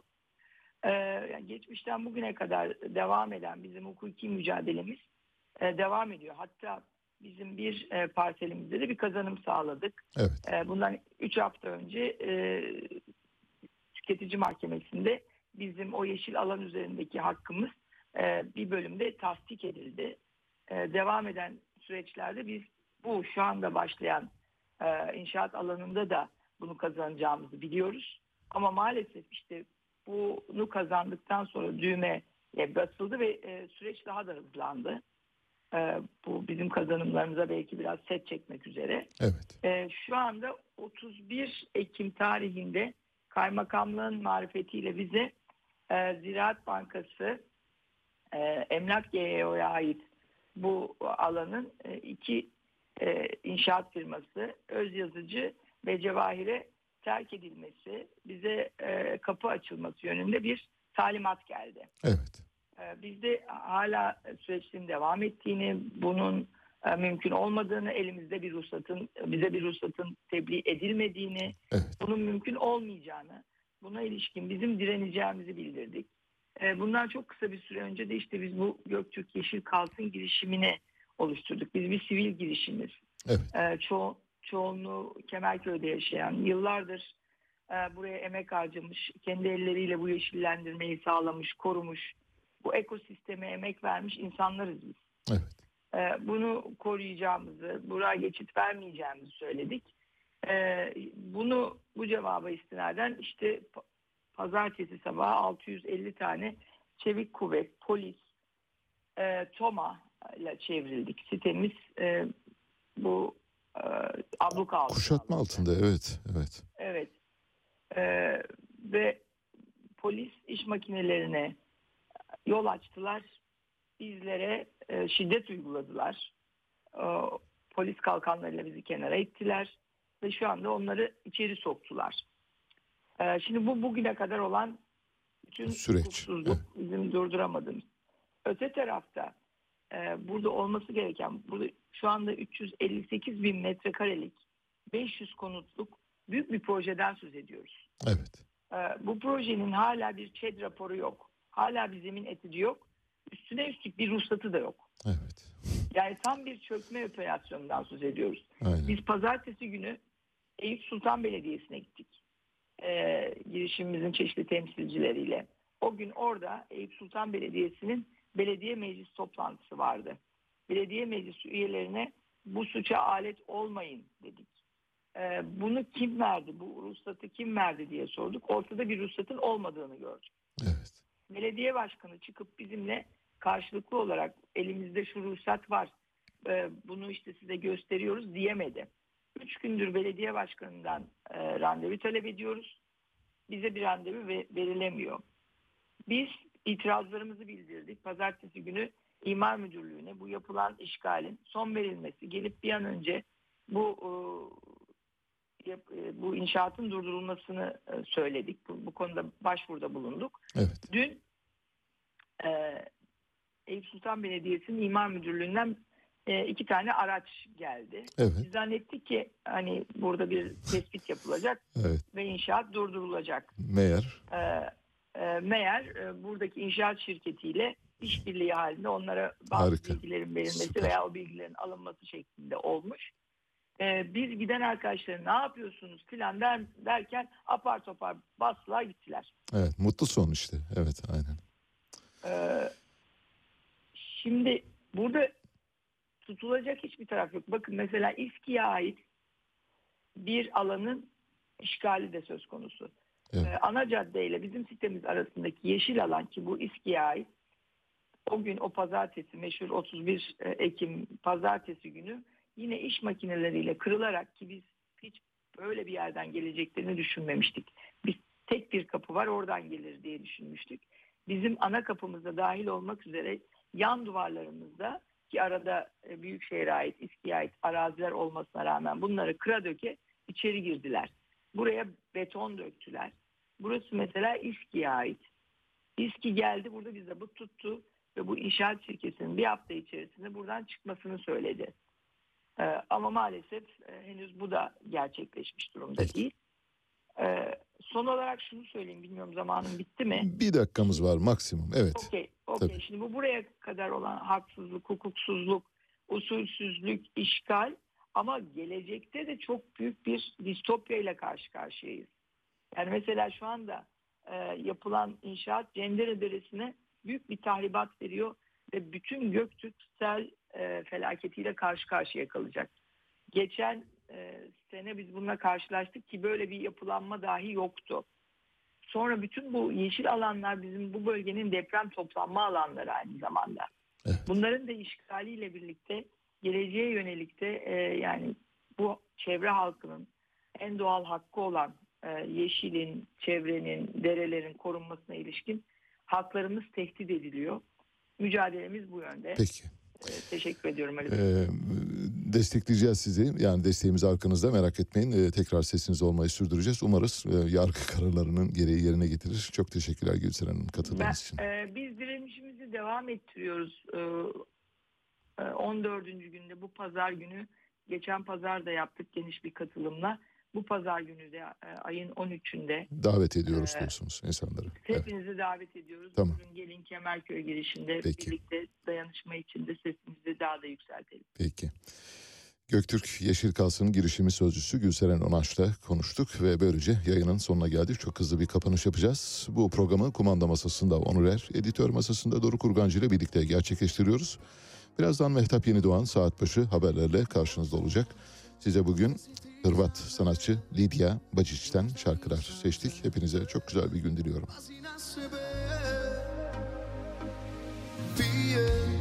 Smijem se pa Sa mnom je tako svaku